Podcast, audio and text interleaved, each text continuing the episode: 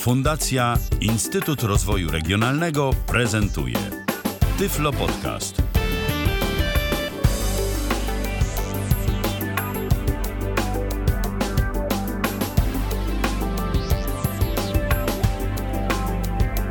Minęła godzina 19 w kalendarzu. Dziś mamy środę, 24 dzień maja 2017 roku. Witam bardzo serdecznie przy mikrofonie Michał Dziwisz, a po drugiej stronie mój dzisiejszy gość, czyli Wojtek Figiel. Witaj Wojtku. Dzień dobry. Dzień dobry. Dziś poruszymy ponownie temat, o którym już mówiliśmy swego czasu e, z Wacławem Rosą, ale temat to dość mało wyeksploatowany i myślę, że nie jedno będziesz mógł dodać e, od siebie, bo dziś będziemy ponownie mówić o studiach doktoranckich. Jak się za to zabrać, jak e, dobrnąć do szczęśliwego końca, co tam się między, w międzyczasie dzieje, no i również po co właściwie ubiegać się o, jak to, stopień, tytuł? Bo tu już... Stopień. Stopień. Stopień doktora, tak. tak. Nie, tytuł, tytuł to jest zawodowy tak. magistra, tak. a potem profesora tytuł. Tak, a doktora jest stopień. Więc o tym wszystkim dziś y, sobie porozmawiamy. Już za chwileczkę do Waszej dyspozycji będzie także nasz radiowy Skype o loginie tyflopodcast.net. Zapraszam bardzo serdecznie. Za moment y, go uruchomię. Y, więc na dobry początek proponuję, żebyśmy w ogóle poruszyli te kwestie właściwie dlaczego warto? Bo ty, jak rozumiem, już prawie y, całość y, studiów i pisania pracy doktorskiej masz za sobą, już tylko teraz obrona, tak? Całość pisania mam już za sobą, wszystkie egzaminy mam już za sobą, mnie obrona 13 czerwca, więc to już jest naprawdę taka ostatnia z ostatnich e, prostych. No i teraz zapytałeś się o to, dlaczego warto, a ja może zacznę od anegdoty, bo e, ze swojego doświadczenia wiem, że dobre przemówienie y, się rozpoczyna zawsze od anegdoty, żeby trochę y, słuchaczy y, rozbudzić. No to o, słuchamy. Tak powiem. I moja anegdota dotyczy tego, dlaczego ja w ogóle tu jestem na tych studiach doktoranckich i on, ona jest następująca. Że ja już zrobiłem w ogóle studia magisterskie ileś tam lat temu, w 2009 obroniłem się i wtedy myślałem, no Boże, no nigdy w życiu tutaj nie wrócę, jak się cieszę, już kończę, już już mam ten dyplom, mam te kwalifikacje, skończyłem studia takie lingwistyczne, z lingwistyki stosowanej, więc to dobre kwalifikacje i nauczyciel, i tłumacz, i gdzieś tam pracowałem jako dziennikarz, ale gdzieś tam w pewnym momencie mój kolega jeszcze rok, bo już rok miałem spóźnienia, a mój kolega jeszcze jeden rok miał spóźnienia i się bronił tej samej promotorki. E, no i e, moja promotorka, po prostu ja się z nią wtedy spotkałem, a jeszcze moi rodzice byli tam e, wtedy, bo tego kolegę też bardzo dobrze znali i lubią do tej pory. No i tak się zapoznali moi rodzice z moją promotorką i ona tak mówi do nich, no wiecie państwo, fantastycznie się z synem współpracowało i ja właściwie to czekam na pana Wojtka na studia doktoranckie. No i tak sobie pomyślałem, kurczę, no czy to jest w ogóle dla mnie opcja? No i tak rozmawiałem przy niejednym piwie z różnymi ludźmi, no i w końcu kolega mnie przekonał, mówi słuchaj, spróbujesz. Jak ci się nie będzie podobało, to najwyżej zrezygnujesz. I tak to się zaczęło i rok później zdałem te egzaminy wstępne na studia doktoranckie, o których zaraz i zacząłem, e, no zacząłem pracę jako, jako doktorant, którą teraz kończę. Także taka jest moja anegdota, że wcale nie, nie uważałem siebie za pisanego na te studia doktoranckie. A dlaczego warto? Wydaje mi się, że z wielu powodów warto, ale wydaje mi się, że szczególnie dla nas, dla osób z niepełnosprawnością wzroku, jest to ciekawa opcja, interesująca opcja na rozwój, rozwój kariery. Jeżeli ktoś chce taką, lubi taką działalność badawczo-naukową, potem powiem, co to może być za działalność, to wydaje mi się, że środowisko uczelni wyższych, zwłaszcza takich dużych uczelni wyższych, ale też i prawdopodobnie mniejszych, nie wypowiadam się, bo nie miałem do czynienia, mm, jest bardzo dobrym środowiskiem, bo bardzo wiele rzeczy można no, załatwić w sensie takim, że bardzo wiele y, rzeczy jest dostępnych. Będę o tym zaraz mówił, ale po prostu uważam, że to może być ciekawa ścieżka rozwoju. Mogą się z tym wiązać różnego rodzaju stypendia, y, czy też projekty badawcze. No i jest to przede wszystkim miejsce, gdzie jesteśmy rzeczywiście traktowani równo z osobami widzącymi i jesteśmy darzeni takim szacunkiem, na, jakim, na jaki zasługujemy. Nie ma tutaj zbyt wielkiego wpływu, czy widzimy, czy nie widzimy. Jak robimy dobre badania, jeździmy na dobre konferencje, publikujemy w dobrych czasopismach, to ten y, taki szacunek środowiska zyskujemy. Ja nigdy nie, nie spotkałem się a znam też nie tylko mój przypadek, ale, ale kilka innych osób piszących doktorat, żeby w jakikolwiek sposób środowisko naukowe dyskryminowało. Nie wykluczam, że takie przypadki mogą być, ja się z nimi nie spotkałem. To zapytam jeszcze tak y, w znaczeniu zawodowym. Czy jeżeli decydujemy się na studia doktoranckie, to czy później y, to raczej jest z takim nastawieniem? Może zapytam y, ciebie, czy ty się nastawiasz na taką pracę typowo naukową, czy gdzieś jednak na rynku komercyjnym będziesz chciał się zatrudnić, czy pozostać jednak na uczelni? Znaczy, to jest tak, że ja mogę chcieć pozostać na uczelni, ale jeszcze jakaś uczelnia musi rozpisać konkurs, w którym ja będę startował, spełnię jego wymogi i wtedy będę mógł pracować. Także ja rzeczywiście bym się nastawiał na, na takie pozostanie na uczelni, bo już tyle lat życia włożyłem, ale z drugiej strony też właśnie mam te różne zawody w kieszeni i to już nie zależy od tego, czy mam doktorat, czy nie, no ale też chciałbym kontynuować. U nas na przykład nie ma, no ja nauczam przekładu konferencyjnego, więc to nie ma tak, że możesz być tylko teoretykiem. U nas jest taki wymóg, że nie możesz uczyć tłumaczenia, jeżeli sam nie jesteś tłumaczem. Także gdzieś tam na pewno będzie to jakaś kombinacja, jakiś patchwork i wydaje mi się, że no przed ludźmi w moim wieku czy młodszymi to już, to już tylko taka perspektywa pozostaje, że w większości zawodów to będzie taki patchwork, że tu będziemy, nie wiem, tu będę pracować na uczelni, mam nadzieję, będę robić jakieś projekty badawcze dodatkowo, dodatkowo jakieś zlecenia konferencyjne, y, plus jeszcze może jakieś inne projekty eksperckie i, i w ten sposób się złoży dopiero z tego jakaś pensja, jakieś życie. Nie wiem, ale nie wiem, jak się ułoży sytuacja moja życiowa. Może wyprowadzę się z Warszawy, może będę w zupełnie innym miejscu i będę robić zupełnie co innego. Bo kiedyś to właśnie mówiło się tak, że no, jeżeli już jesteśmy doktorem, no to w tym momencie mamy możliwość, to, to w tym momencie otwiera się dla nas jakaś taka opcja do pozostania na uczelni i że to jest niemalże pewne i w zasadzie no to można sobie na tej uczelni tak przesiedzieć do emerytury. I to chyba kiedyś rzeczywiście tak było, teraz to się faktycznie pozmieniało. I wymaga no się jednak się praktyki też. Bardzo pozmieniało. Nie wiem, czy. Nie wiem, jak, jak było kiedyś, by nie było mnie kiedyś. Kiedyś na pewno też było bardzo ciężko, bo ten etat asystenta to, to jest bardzo trudny etat y, przed doktoratem czy po doktoracie. Bardzo dużo godzin dydaktycznych, to wtedy nie masz czasu na robienie badań, na robienie twoich badań, na rozwijanie twoich zainteresowań, tylko musisz siedzieć y, i robić, no nie wiem, czasem interesujące, czasem nie, y, zadania mm, dydaktyczne. Natomiast e, no teraz jest e, sprawa jasna, to znaczy jeżeli w ogóle dostaniesz się później na uczelnię, a to nie, nie jest takie pewne, mm, to masz ileś lat na zrobienie habilitacji. To jest kolejny stopień naukowy.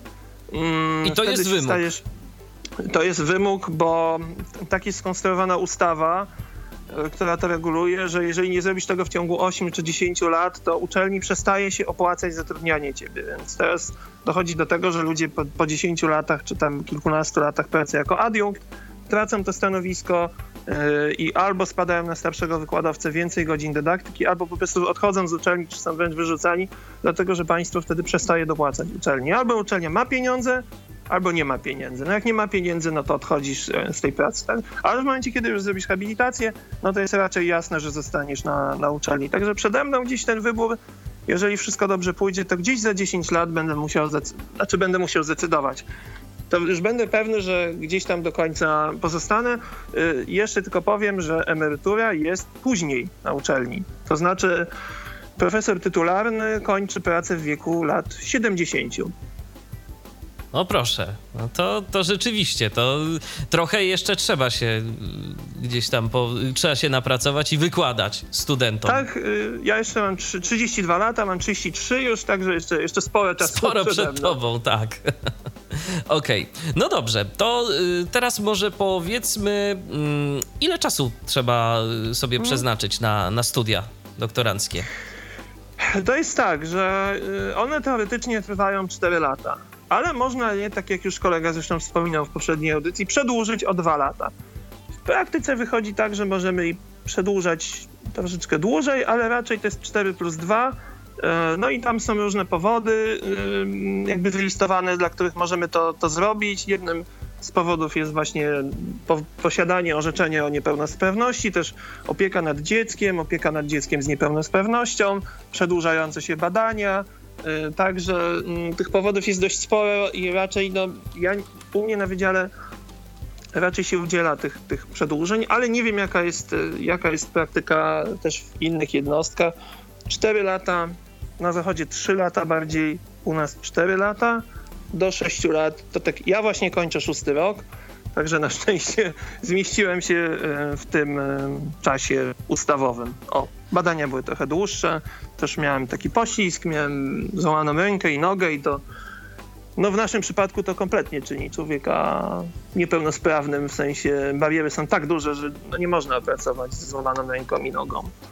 No tak, no i nie ukrywajmy, że jednak y, także i problemy ze wzrokiem to też y, gdzieś tam, kiedy trzeba sobie odpowiednio y, udostępnić literaturę, jeżeli ona nie jest dostępna, bo mhm. duży, dużej ilości przypadków jest, no ale jeżeli nie jest, to też na tym się schodzi, szczególnie jeżeli mhm. musimy robić to sami, a gdzieś tam nie mamy pomocy od, od kogoś, bo to też to zależy od uczelni.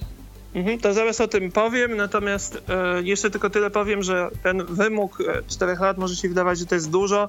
To nie jest do końca tak dużo, bo e, też jest tak, że m, mm, bardzo wielu doktorantów nie ma, nie ma jakby źródła finansowania badań, prawda? I to jest tak, że wielu doktorantów uczy, uczy się, studiuje na studiach doktoranckich, ale też ma pracę pełnoetatową z mojego rocznika. To była większość osób, było nas chyba 15, a w tym momencie zdała pierwsza koleżanka, ja będę drugi.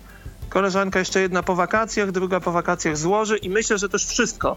Czyli y, ten taki poziom jakby sukcesu akademickiego jest bardzo niski. On jest szacowany na 15%.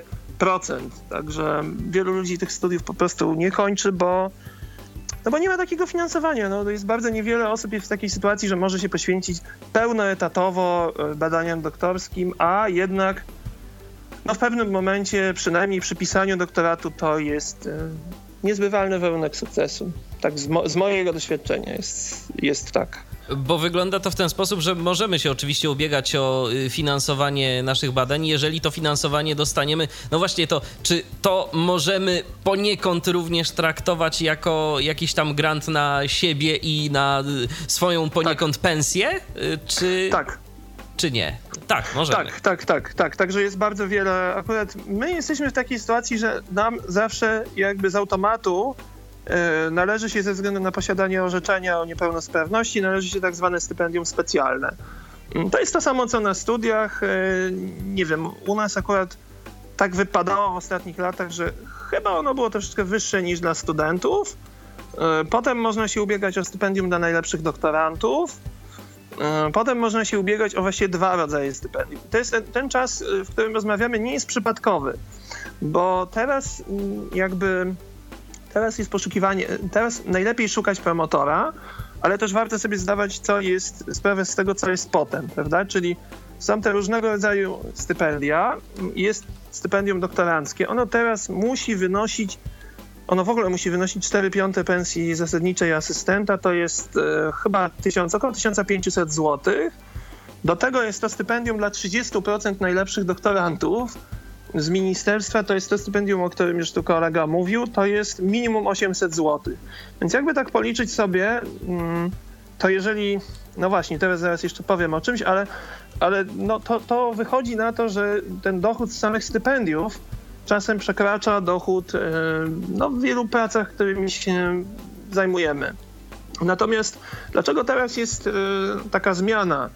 E, otóż dlatego, że w wielu wypadkach było do tej pory tak, że Wydział mówił, że nas nie stać na stypendia doktoranckie, w związku z tym pozostawały, no nie wiem, tylko w cudzysłowie te stypendia naukowe dawne, czyli dla najlepszych doktorantów, stypendia specjalne i ewentualnie to zwiększenie, jak ktoś się załapał do tej puli 30%. Ale teraz wprowadzono taki myk ustawo, ustawowo zmianę wprowadzono, że wydział nie może powiedzieć, że, że nie stać y, wydziału, czy też jednostka, która to prowadzi, bo to nie musi być wydział, tylko musi zapewnić połowie doktorantów stypendium y, doktoranckie. Na Czyli jakiej podstawie może... Y, mhm. jest przyznawana ta połowa? To zależy. To znaczy, na pierwszym roku wydaje mi się, że taką sensownym probierzem byłyby wyniki postępowania rekrutacyjnego. Ale ponieważ jest w ustawie, że muszą być, to jest, to jest artykuł tam 200 ustawie Prawo o szkolnictwie wyższym, tam jest, tam jest wyraźnie napisane, muszą być osiągnięcia naukowe i dydaktyczne. To nie jest lub dydaktyczne, tylko i dydaktyczne. Więc ten spójnik i oznacza, że to musi być i to, i to. No i niestety teraz jest tak, że to, to jest jakby są kryteria ustalane przez wydział na podstawie tam wytycznych y, ogólnouczelnianych. Ale to mogą być, naj, najczęściej to są y, liczba godzin przepracowanych, zrobionych zajęć, liczba jakichś pozanaukowych aktywności popularyzatorskich. Nie wiem, festiwal nauki, pikniki naukowe, gdzie się pokazuje, co się robi, jakie badania się robi. No jakieś tego typu sprawy, plus y, do tego na przykład y, publikacje, o tym zaraz, konferencje, o tym też zaraz. No właśnie, realizowane granty, nagrody, wyróżnienia, bo takie, o takie nagrody też można się ubiegać. No i tego typu sprawy to, to będą właśnie w tej dziedzinie staże, jakieś kwerendy, wyjazdy, uzyskane stypendia. Mm, na tej podstawie są przyznawane y, tego typu stypendia. Rozumiem. Jeszcze y, to też od razu zapytam. Y, jak to jest z ukończeniem studiów doktoranckich? Tu już musimy uzyskać stopień. Tak, teraz się to zmieniło już od kilku lat. Ja pamiętam jeszcze, że jak ja zaczynam studia doktoranckie, to moja promotorka mówiła mi, panie Wojtku, pan niech sobie nie da wcisnąć kitu, że trzeba mieć stopień. Nie można skończyć studia doktoranckie tak jak, nie wiem, studia magisterskie bez, bez tytułu. No, teraz już nie. Teraz trzeba mieć e, zamknięty przewód doktorski, o czym też powiemy. Bo bez tego, no po prostu to tak jakbyśmy zmarnowali kilka lat. Tak, tak natomiast... No zresztą bez tytułu to i tak, no nawet jak kończymy studia, ale bez magistra, yy, to, no to też nie mamy się za bardzo czym pochwalić, prawda? Nie ma do końca to sensu, a też trzeba się za to, no trzeba się kiedyś wziąć w garści to zrobić. Ja wiem, że to jest trudne i się skończyło te zajęcia. Ja miałem właśnie taki rok przebzy przy studiach magisterskich. A tych zajęć na studiach doktoranckich jest bardzo niewiele lub śmiesznie niewiele wręcz. Mm, także myślę, że ja miałem ja miałem e, chyba w ciągu czterech lat, to zajęć miałem może tyle, co w ciągu jednego roku na studiach magisterskich. Nie jest tego dużo. Oni wiedzą, że też większość z nas pracuje etatowo, więc przeważnie to się odbywa w postaci takich zjazdów weekendowych. To już jest kwestia, jak się tam dogada z, z prowadzącymi zajęcia, ale nie jest to, myślę, jakoś strasznie uciążliwe, te zajęcie. Bardziej już własna dydaktyka ale y, nie trzeba, prawda, studiować, żeby, żeby pisać doktorat. Jest jeszcze alternatywny sposób. Nie, jest y, alternatywny, jest, jest takie, mm, można po prostu otworzyć przewód doktorski. Natomiast to wtedy kosztuje, na uczelni publicznej to wtedy kosztuje. E, zwykle na uczelni publicznej jest tak, że wszczęcie przewodu doktorskiego i jego etapy nie kosztują, bo no bo wydział otrzymuje refundację tych kosztów e, z ministerstwa. Tak, także ja robię studia, wszczynam ten przewód, jeśli go skończę w terminie i wszystko jest ok, to, e, no to nie ponoszę żadnych dodatkowych opłat. Termin jest bodaj taki standardowy 4 lata, ale nie słyszałem też o tym, żeby ludzie, którzy przedłużali to, ponosili dodatkowe opłaty. Przynajmniej ja takich doświadczeń nie mam. A jeżeli chcielibyśmy no, bez konieczności studiowania otworzyć przewód doktorski, to jakie to są mniej więcej koszty? Aha, to są duże koszty. To są duże koszty, to jest chyba kilkanaście tysięcy złotych. Pewnie trochę to zależy od ym, jednostki, ale są też określone rozporządzeniem stawki za na przykład, bo to, co, co trzeba pokryć? Trzeba pokryć na przykład koszty recenzji. Jak recen recenzentów mamy zawsze dwie osoby, no to trzeba tym osobom zapłacić. Ja już teraz w tej chwili nie pamiętam, ale to nie jest 200 zł czy 300, no bo w końcu, no nie, w moim wypadku to musieli przeczytać, musiały te panie przeczytać 309 stron, no to to jest jednak trochę roboty. Także to są koszty, nie wiem, rzędu, no strzelam powiedzmy 1500 zł. Promotor nasz też dostaje taki, takie wynagrodzenie za wypromowanie doktora, doktoranta. I to też nie jest 100 zł, czy 500, czy 1000, tylko to jest powiedzmy, nie wiem, 3000 zł, tak? Także to, to wszystko się składa na obsługę. No, trzeba zorganizować egzamin.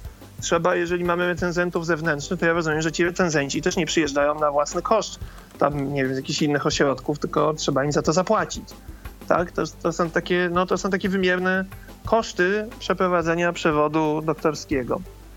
No to rzeczywiście, jak sobie to tak pozbieramy, pozbieramy, to, to, sporo nam, mhm. to sporo nam się tego uzbiera, ale no i też chyba nie wiem, no w jakich przypadkach ktoś mógłby się decydować na y, takie właśnie y, y, prowadzenie przewodu doktorskiego z wolnej stopy, kiedy rzeczywiście jego czas byłby bardzo ograniczony, czy, czy słyszałeś tak. jeszcze o jakichś innych przypadkach? Tak, myślę, że to jest właśnie ograniczenie mm, czasowe, albo, no nie wiem, są różne takie przypadki, że po prostu nie chcesz mieć tych studiów doktoranckich, nie chcesz, mm, nie chcesz, nie wiem, w to bawić się, może już właśnie masz bardzo ustabilizowane życie rodzinne, zawodowe i to ci jest niepotrzebne. Ja tylko dodam jeszcze, że mm, w ramach tego modułu drugiego aktywnego samorządu jest takie dofinansowanie.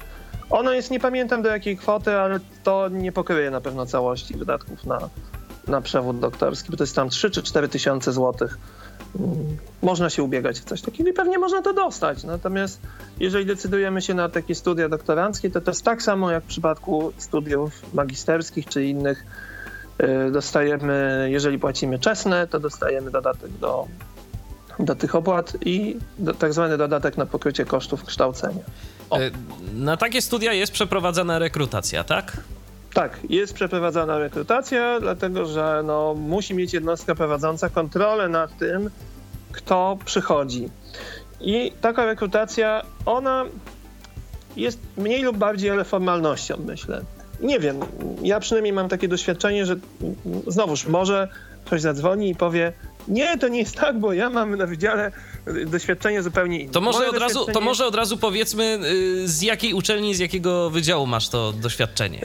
Y, doświadczenie jest z Uniwersytetu Warszawskiego, Wydział Lingwistyki Stosowanej. To znaczy, to jest tak, że ja nawet byłem sam w kil kilkakrotnie w tych komisjach rekrutacyjnych i to jest rzeczywiście bardzo dużo roboty. Yy, natomiast yy, no jeżeli promotor się, pracownik samodzielny przecież, czyli osoba posiadająca habilitację, to jest promotor, czy tam opiekun naukowy wtedy jeszcze się zdecyduje, no to też trudno oczekiwać, żeby mm, jeżeli nie ma jakiegoś rażącego uchybienia, nie wiem, wiedzy czy postawie, no, no nie wiem, oczywiście, no, jak przyjdziemy pijani na tę rekrutację, no to na pewno nas nie przyjmą, no, ale, ale szczerze powiedziawszy też trudno mi sobie wyobrazić, żeby jakby no wydział też nie chciał się rozwijać, nie? bo to też jest rozwój, że ktoś przychodzi, chce robić badania. No i to, to zależy, no to już, to już są wytyczne uczelniane, co trzeba na taką, na taką rekrutację, ale trzeba mieć na pewno zgodę, znaleźć właśnie tę osobę i to jest klucz. Znalezienie dobrego promotora, bo nie ma nic gorszego niż kopać się z promotorem. Ja znam taką jedną historię, kopania się z promotorem strasznie nieprzyjemne. Myślę, że też dla tego promotora, ale przede wszystkim dla tej osoby, która się, która się kopie. A promotor jest nam w bardzo wielu sytuacjach, życzliwy promotor jest niezastąpiony. Od tej rekrutacji, gdzie on przecież musi wydać, czy ona muszą wydać zgodę. Potem y, są różnego rodzaju stypendia czy granty. Przeważnie w to jest uwikłany nasz promotor.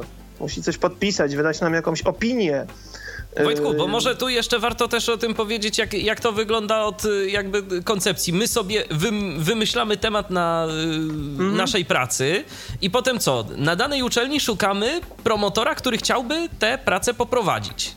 Tak, ale to też jest, znaczy, u nas jest taki wymóg w ogóle, żeby mm, to niekoniecznie promotor, ale że jak się zdaje na studia doktoranckie, żeby przedstawić opinię od kogoś, kto nas zna z zajęć i ma jakiś stopień naukowy, jest powiedzmy doktorem czy habilitowanym. U nas jest taki wymóg, chyba dość mądry wymóg, no i ten promotor. Także albo my możemy mieć pomysł. U mnie na przykład było tak. Od razu powiem, że ja pisałem doktorat o tłumaczach z niepełnosprawnością wzroku. Mam nadzieję, że też o tym kiedyś, czy wkrótce po, porozmawiamy. Oczywiście. Natom, natomiast, e, natomiast e, u mnie było tak, że ponieważ pierwsza moja praca magisterska u mojej promotorki, pani profesor Małgorzaty Tryłk, była na temat notacji w tłumaczeniach konsekutywnych, to są takie tłumaczenia na scenie. Ja sobie opracowałem taki mój własny system, żeby zdać po prostu egzaminy końcowe yy, ze ścieżki specjalizacyjnej. Musiałem i to opisałem. No i ona mi powiedziała tak, proszę pana, no to jest tak, że pan to zrobił, to było świetne, ale to teraz trzeba by było to rozszerzyć. No i teraz tak, no może napiszemy w ogóle o tłumaczach niewidomych czy słabowidzących. Może pan napisze o tych tłumaczach, ale to też musimy mieć jakąś teorię. No i ja tu proponuję różne teorie socjologiczne, żebyśmy tam wykorzystali te teorie. Czyli to jest takie, takie coś, że promotor powinien wiedzieć. Myśmy, my powinniśmy też mieć jakiś oczywiście pomysł, co nas interesuje. Czyli na tym etapie rekrutacji myślę ogólne rozeznanie w literaturze przedmiotu, wiedzieć z czego chcemy pisać, nie wiem, że chcemy pisać, nie wiem, w moim przypadku, no to chcemy pisać z tej translatoryki, no, czyli z nauki o przekładzie, nie? a nie chcemy pisać na przykład z literatury. No to to jest ważne. No i żeby mieć pojęcie o tej literaturze translatorycznej i mieć jakiś pomysł, jakiś konspekt tego napisać, on, on nie jest zbyt wiele wart na tym poziomie rekrutacyjnym. To nie jest tak, że ktoś nam wyciągnie to po kilku latach i powie, aha, ale przecież pan się zobowiązał, że pan zrobi to, to, to i to i w punkcie siódmym, ustępie trzecim konspektu pan to napisał, a pan tego nie zrobił, więc proszę, nie wiem, zwracać nam wszystkie stypendia doktoranckie. To nie jest tak, ale Tylko to jest taki ogólny zarys, bo tak. przecież y, jeszcze w trakcie y, pisania tak. pracy, no to jakieś jeszcze badania prowadzimy, z których może nam wyjść, że na przykład pewnych rzeczy nie jesteśmy tak. w stanie zrobić, tak? Tak, dopiero podczas otwierania przewodu to już owszem są dokumenty formalne, gdzie to się składa ten przewód do Rady Wydziału. E, takie dokumenty się składa do Rady Wydziału i tam też się robi taki konspekt, no i to już jest rzeczywiście dokument jakiś wiążący, no, że my obiecujemy, że zrobimy to, to, to i to. No i dlatego też warto też ten dokument napisać sprytnie, w taki sposób, żeby nikt się nie mógł przyczepić, że tego nie zrobiliśmy. Podobnie jak z grantami. Ale w którym momencie składamy y, już ten. Y, to zależy. Aha. Od promotora. Bo może być tak na przykład, że są jakieś stypendia, czy granty, czy możliwości, yy, które można wykorzystać tylko z otwartym przewodem doktorskim. Kiedyś były takie stypendia unijne, doktoraty dla Mazowsza.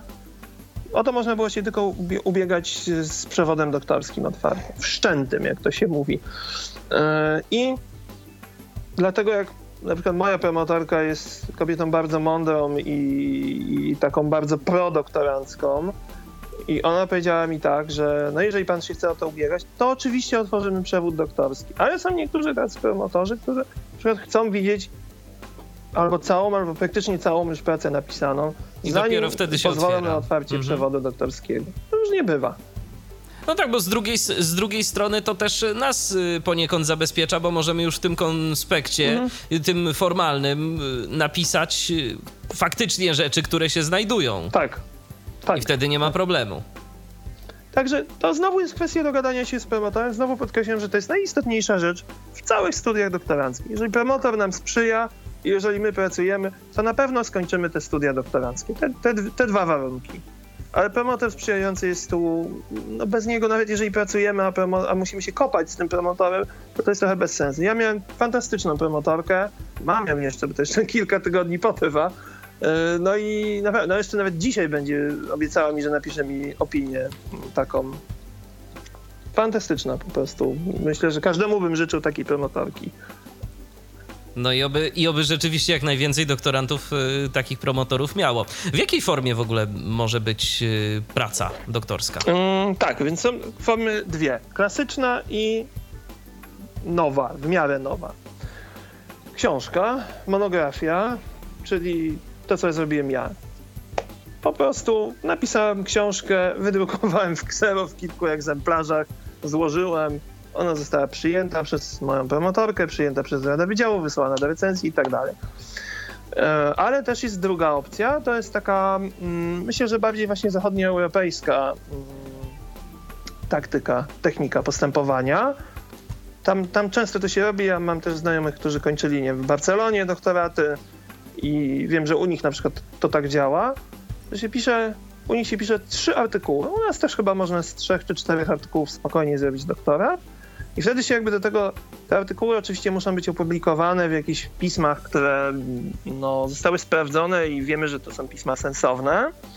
Także piszemy te 3-4 artykuły. To jest trudny rodzaj pracy doktorskiej, bo te artykuły są potem wysyłane do recenzentów. Pisma dobre to są takie pisma, w których są, za przeproszeniem, podwójnie ślepe recenzje, czyli ani recenzent nie wie, kim my jesteśmy, ani my nie wiemy, e, kim jest recenzent. No i recenzenci mają jakieś uwagi, trzeba się ustosunkować do tych uwag i wtedy albo przyjmują, albo nie.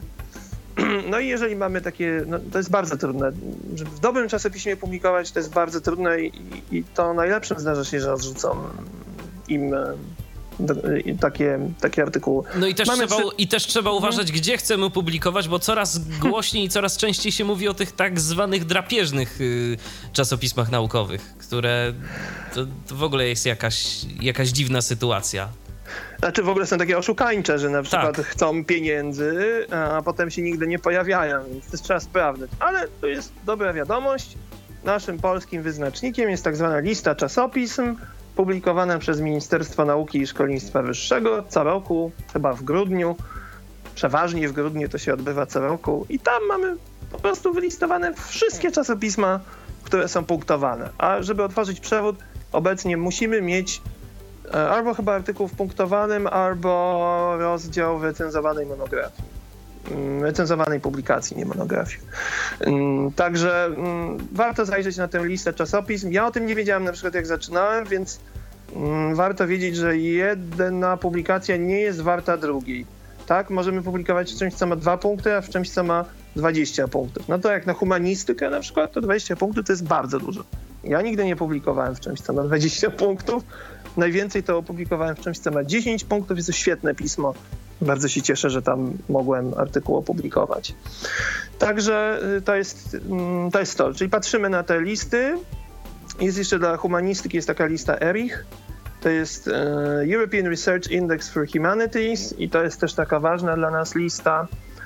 No i jest jeszcze taki, mm, no to może nie wiem, czy to teraz powiedzieć, ale mm, to też się przydaje przy tych grantach, że tam trzeba mieć takiego opiekuna i trzeba zdobyć tak zwany indeks Hirscha tego opiekuna. To, są już takie bardzo szczegóły mm, wkraczam, ale to jest bardzo taka sprytna mm, miara, miara znaczenia naszego opiekuna czy nas w nauce.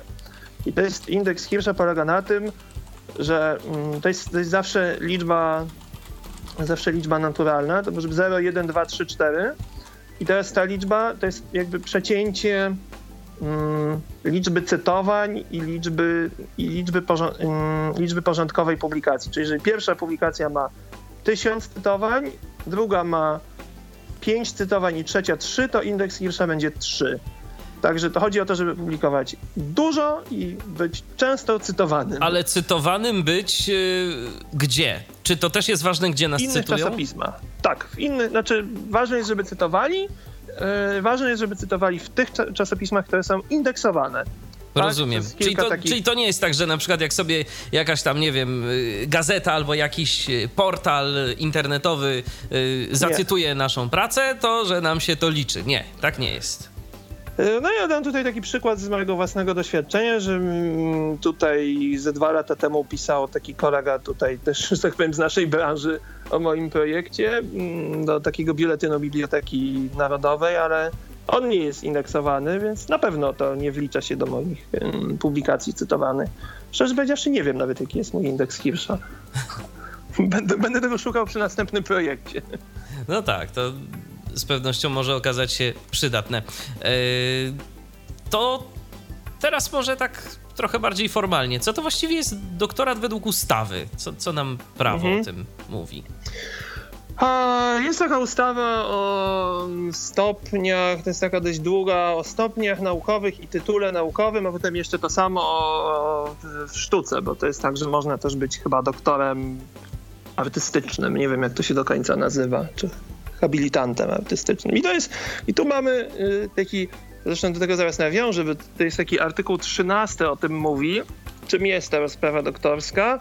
I on mniej więcej idzie w taki sposób, że rozprawa doktorska, są kilka warunków. Jest przygotowana pod opieką e, doktora, e, pod opieką promotora lub promotora pomocniczego, czyli możemy mieć też dwie osoby, które nas promują.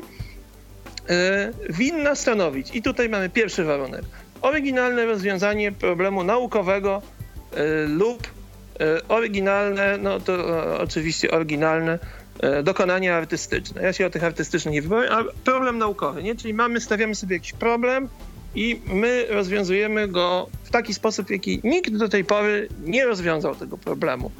No w moim przypadku to było badanie tej grupy osób z niepełnosprawnością wzroku, które zajmują się przekładem. Nikt takich badań do tej pory nie robił, nikt nie wykorzystywał do tego tej teorii, którą ja wykorzystałem, więc spełniam.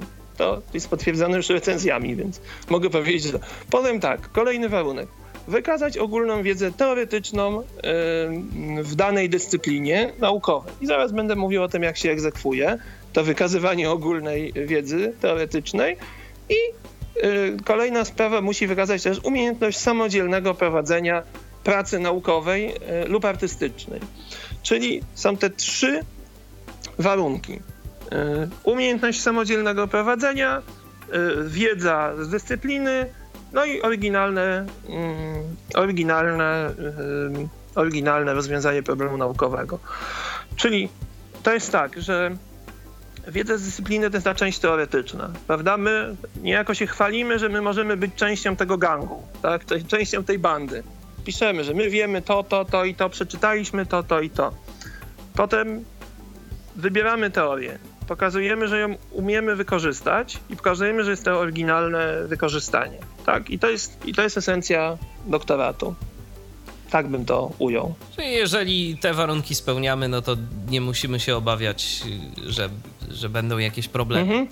I tutaj jeszcze dopowiem, bo pytałeś się o, mm, o, o formę sprawy, to ten artykuł, dru, y, ustęp drugi artykułu 13 tej ustawy reguluje to, że może mieć formę maszyno, yy, maszynopisu książki, czy tak jak ja to zrobiłem, książki wydanej, jeszcze nie wydanej, mam, mam nadzieję, lub spójnego tematycznie zbioru E, e, zbioru rozdziałów e, w książkach wydanych, spójnego tematycznie zbioru artykułów opublikowanych lub przyjętych do druku. Tak, bo czasem jest tak, to przyjęty do druku, a opublikowany to jest duża różnica, bo czasem się czeka na druk u, długo, długo, długo, długo. Kilka lat można czekać na druk. Rozumiem. Mhm. Y to teraz może kilka słów na temat y, materiałów i o ich dostępności. No bo tak, tak jak, po, tak jak powiedziałeś, trzeba pokazać, że się przynależy do gangu bądź też bandy ludzi oświeconych. No ale trzeba skądś tę wiedzę czerpać. No i tu mhm. dochodzimy do tematu literatury, na którą się powołujemy, a konkretnie jej dostępności. Tak, więc ja zaczynając studia doktoranckie o tym nie wiedziałem, co teraz powiem i zrobiłem, no, w cudzysłowie, błąd.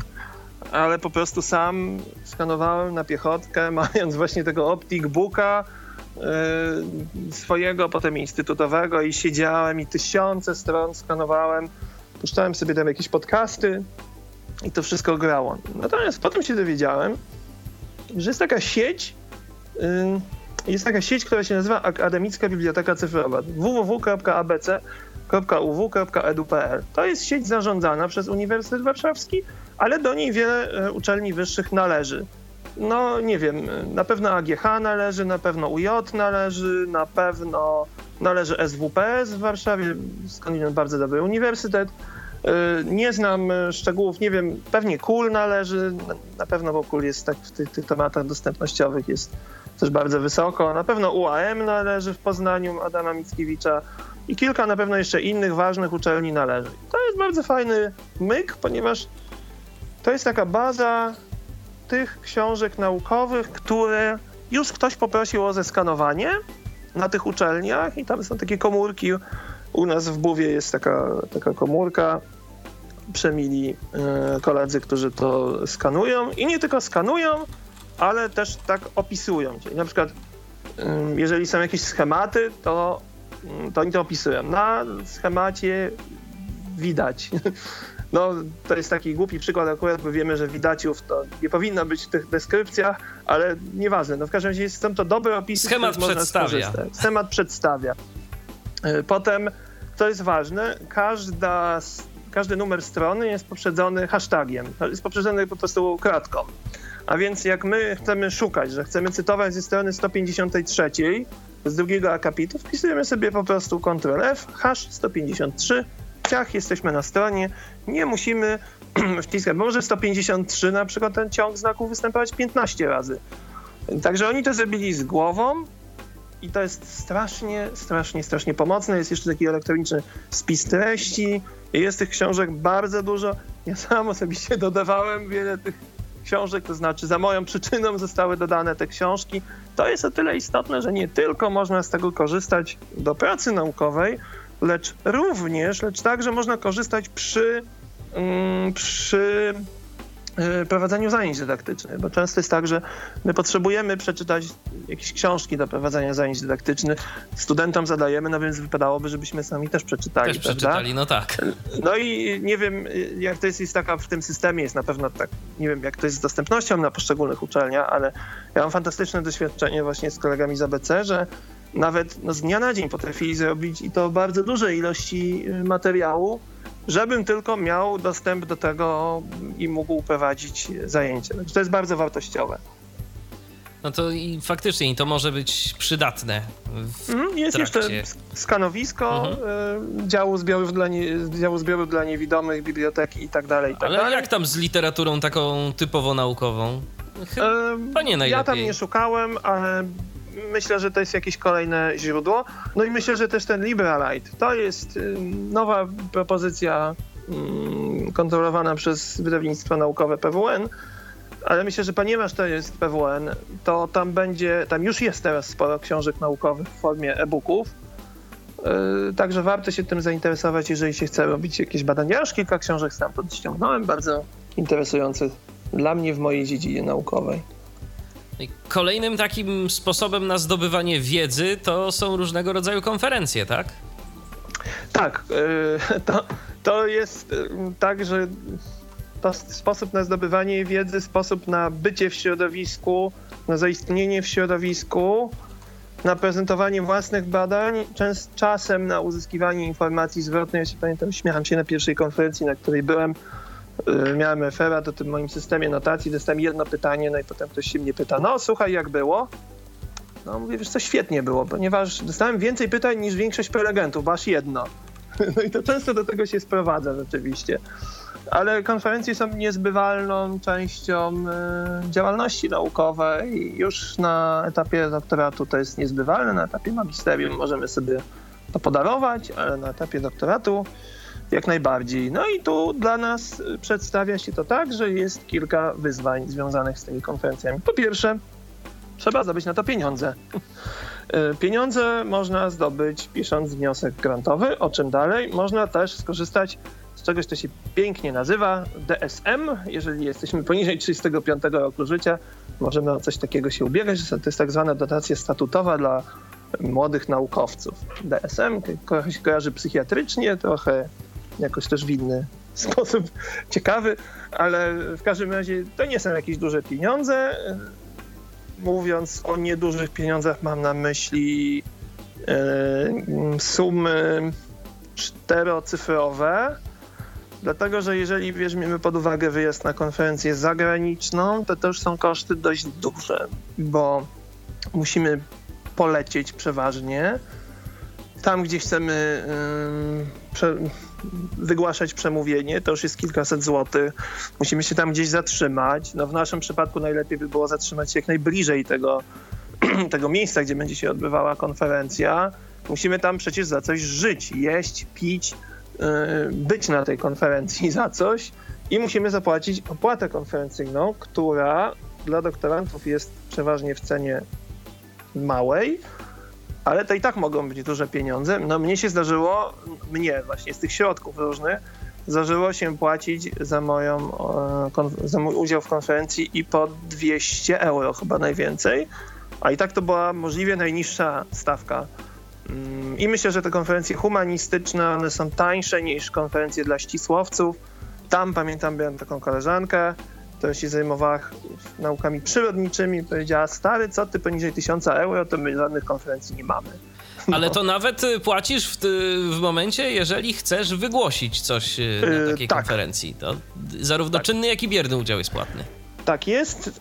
Yy, oba te rodzaje są płatne. Przeważnie czynny jest y, tańszy, i przeważnie ci, y, którzy uczestniczą w sposób czynny, y, dostają różne jakieś bonusy. Na przykład jest tak zwane, jak to my się śmiejemy z koleżanką, recepcja. Czyli po prostu taki, takie powitanie dnia poprzedniego, nie wiem, z winem. Bo oni sobie to zorganizują z władzami miasta, bo czasami to są takie miasta, gdzie no, niewiele osób przyjeżdża, a jest na przykład dużo takie wydarzenie jest, y, to no to miasta się bardzo cieszą, więc zapraszają do, na przykład do ratusza na, na taki wine reception, tak? Więc na, na, to powitanie z winem, lampkę wina i, i, i, to jest przeważnie tylko dla mówców, dla prelegentów. No tak, żeby się poczuli mhm. jakoś wyróżnieni. Tak, tak, tak. To czasem jest też tak, że są tak zwane publikacje pokonferencyjne, więc w tej opłacie konferencyjnej mieści się też możliwość publikacji y, w takim wydaniu pokonferencyjnym, One przeważnie są recenzowane, bo też bez sensu pisać nierecenzowane, bo się nie liczy do, do, do niczego, nie ma punktów. To, to bez sensu, to po co to komu. Więc to są wydawnictwa recenzowane już teraz właściwie w całości, albo tam specjalne wydanie jakiegoś pisma. I no, to pismo też musi się za coś wydrukować, więc w tej opłacie konferencyjnej publikujesz czy nie, jest zawarta ta no, część na wydanie takiej publikacji pokonferencyjnej. I to jest tak, no dla nas taki specyficzny problem w udziale w konferencjach, czyli może takie zagadnienie związane, no to jest mobilność oczywiście. Bo na przykład pół biedy, jak to jest jeszcze w Polsce, nie? Ale za granicą, to ja na przykład muszę powiedzieć, że wybierałem takie raczej konferencje, gdzie mogłem pojechać z kimś, dlatego też no, ważna jest taka sieć kontaktów społecznych, myślę, dla nas, E, zdarzyło mi się pojechać w miasta, do których nigdy wcześniej nie jeździłem, mm, ale przeważnie no, jednak to były miejsca, gdzie znałem język. No nie, w Wielkiej Brytanii pamiętam, byłem w Manchesterze, nigdy wcześniej nie byłem w tym Manchesterze. No ale to wtedy zawsze pisałem do tych organizatorów, że no jest taka sprawa, że ja tu mam jednak ograniczoną mobilność i czy mogliby mi przydzielić kogoś, nie wiem, studenta jakiegoś, kto mógłby, pom- mógłby pomóc mi ogarnąć się w tym. No oni są bardzo życzliwi, tak jak podkreślam, to środowisko naukowe jest bardzo życzliwe, otwarte. Nie ma zbyt wielu takich osób, które mają y, jakieś niepełnosprawności w tym środowisku. Jesteśmy tam cenieni za to, że chcemy, za to, że y, za to, że się staramy, za to, że no, robimy po prostu jak, jakąś dobrą robotę badawczą. No tak, bo no w końcu to i tak jest potem wszystko pod tym kątem jakości y, tych badań oceniane. Tak, ale nieważne jaka jest jakość, to ja się spotkałem zawsze z dobrym przyjęciem, bo przecież no, ludzie, którzy przyjęli mój abstrakt, no bo to coś jest na konferencji, trzeba się zgłosić, wysłać abstrakt i tam on jest recenzowany albo nie, jest przyjmowany albo nie, ale już rozumiem, że jak ktoś przyjął abstrakt, no to już liczy na to, że coś dobrego z tego będzie. Moje doświadczenie jest takie, że wiele tych wystąpień konferencyjnych jest słabych. Ja ostatnio byłem na takiej konferencji w Londynie i tam szacowałem, że z tego całego dnia chyba ze 40% wystąpień było dobrych i to już było dużo. Więc, więc tak, yy, no ale no rozumiem, że jak ktoś przyjmuje, jest organizatorem, to, no to rzeczywiście stara się, żeby to wszystko dobrze wyszło i no ja zawsze spotkałem się z takimi postawą taką otwartą i nigdy takie, taka moja prośba, żeby ktoś mi pomógł, nie była traktowana źle, ale tak jak mówię, rzadko kiedy to się zdarzało. Przeważnie starałem się na przykład jeździć z koleżankami z instytutu mm, na konferencje, czy innymi osobami, y, które znam, bo po prostu wtedy jest łatwo, no, zwłaszcza w obcym kraju to nie jest takie proste. Teraz jest nadzieja taka, że te opłaty roamingowe będą spadały lub w ogóle ich nie będzie, więc będzie można przynajmniej korzystać z tych GPS-ów, nie GPS-ów, tak samo jak w Polsce. No, Mnie Dokładnie. to dużo daje. To, mhm. to, z pewnością ułatwi sprawę. Jeszcze tak a propos wystąpień na takich konferencjach. Yy, czy są jakieś wymogi mhm. w zakresie na przykład przygotowania, no nie wiem, prezentacji multimedialnych? A więc tak, y, jest ten szał i jakiś kult PowerPointa, jest coś okropnego, teraz jeszcze ten Prezi wchodzi i to jest w ogóle chyba niedostępne zupełnie dla nas. Natomiast yy, ja osobiście robiłem tak zawsze, że przygotowywałem te PowerPointy, mm, no tak jakby z takiego, z automatu. Znaczy to zawsze były białe prezentacje, czarne literki na białym tle, w tym standardowym formacie, ale Potem sobie pomyślałem, ja, ja jestem osobą słabo widzącą, jeszcze trochę widzę, więc mogłem korzystać e, na tablecie, to mogłem widzieć, śledzić, ale ostatnio stwierdziłem, że to jest w ogóle robota głupiego. I że ja nie będę w ogóle szykował żadnych prezentacji, albo będę szykował je w bardzo skrótowej formie. I ostatnio przygotowałem na tę konferencję w Londynie cztery slajdy chyba, czy pięć na 20 minut przemówienia ale miałem za to notatnik brajlowski, bo tak w czasie studiów doktoranckich się nauczyłem pisać, yy, pisać i czytać w brajlu. Bardzo sobie to chwalę. I miałem tam króciusieńkie notatki. I naprawdę, to lepiej wygląda, jest lepiej odbierane i w ogóle to jest fajniejsze, jak się mówi z głowy. Nie daj Boże czytać. Ja nawet y, mam taki pomysł, mogę tutaj zdradzić wam, bo na pewno nikt nie słucha no może jak ktoś będzie na mojej obronie, no zapraszam oczywiście, ale prawdopodobnie niewiele osób słucha, które będą. To zamierzam zacząć, bo ostatnio taką mieliśmy obronę na wydziale, że talentka czytała. I ja zamierzam taki anegdotę na początek, dowcip na początek, to będzie, proszę Państwa, mam dobrą wiadomość, że po pierwsze nie będę czytać. I to jest naprawdę dobra wiadomość. I ja to mogę powiedzieć z każdej, że tak powiem, strony mam temat obadany, bo też jako tłumacz nie ma nic gorszego niż ktoś, kto czyta. Jest to okropne, ja często śpię na tych konferencjach, bo ludzie czytają wystąpienia. Krótkie notatki w brailu, żywiołowo, naturalnie, spontanicznie, to jest 15-20 minut. Nie ma się czego bać, środowisko jest bardzo przyjazne zawsze. No, rzadko kiedy ktoś, nie wiem, zmasakruje nasz, nasze wystąpienie, bo było takie złe. Bo zapewne no i tak zdążymy się do niego jakoś przygotować, więc też nam zależy na tym, żeby, no, żeby to wystąpienie po prostu tak, było dobre. Bo jest dużo czasu. Bo to jest tak, tak że na przykład, no znowu wrócę do tej konferencji, yy, taki call for papers to się nazywa, czyli takie zawołanie konferencyjne, po polsku się to ładnie mówi. To mm, konferencja była w maju tego roku, zawołanie było w maju ubiegłego roku. Zamknięcie terminu nadsyłania e, abstrakt, termin nadsyłania abstraktów, czyli taki krótkiej, krótkiego streszczenia e, wystąpienia 300-400 słów, 400 słów już bardzo, 200-300 słów. To nastąpiło 4 listopada, potem ogłoszenie, kto wygrał, że tak powiem, kto będzie brał udział w konferencji, to jest kilka tygodni do miesiąca. No i właśnie, potem jeszcze zostaje pół roku, więc jest czas, żeby się zastanowić. Oczywiście, między nami mówiąc, zwykle jest tak, że się człowiek szykuje i tak na ostatni moment, no, no tak. ale nie ma takiego obowiązku. Jest ten czas. Można sobie to rozplanować, jak ktoś chce. Mhm. Okej, okay, to teraz wróćmy do kwestii związanej mm, z naszą, y, z pisaniem naszej pracy, mhm. Y, mianowicie wymagania techniczne. Podobne jak w przypadku poprzednich prac, czy jakichś tam licencjackich, magisterskich, czy tu jeszcze nam coś dochodzi? E, no, znacznie bardziej chlujnie, że tak powiem. Tak. To znaczy, znacznie bardziej trzeba przykładać uwagę do tego, co się robi, być dokładnym, e, rzetelnym, e, sprawdzać wszystkie rzeczy nie pisać na przykład takie to też, ja pamiętam, że no, to kilka lat temu, no to jeszcze człowiek jest taki głupi młody, jakiś taki pisze jakieś takie rzeczy, które zupełnie nie są sprawdzalne, zupełnie jakoś nie są policzalne, wymierne, ale on to ogłasza jako prawdę. Czyli, czyli nie używać jakichś sformułowań wiele, y, albo coś tam uważa się? Nie, to jest bardziej... Nie. Jeżeli uważa się, to trzeba podać kto, kto uważa. uważa. Mhm. Ale nie, to jest tak, inaczej nie ma, jest to warunkiem niezbywalnym. Nie. Yy, wybór prac, yy, nie wiem, badania tego autora sugerują, nie wykazują ponad wszelką wątpliwość, tylko sugerują, zdaje się, że wydaje się.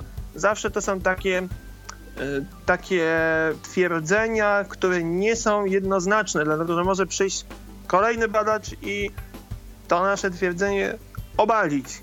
No i to jest jakby kwestia rzetelności naukowej, tak? Czyli, czyli pracę doktorską piszemy, że nam się wydaje.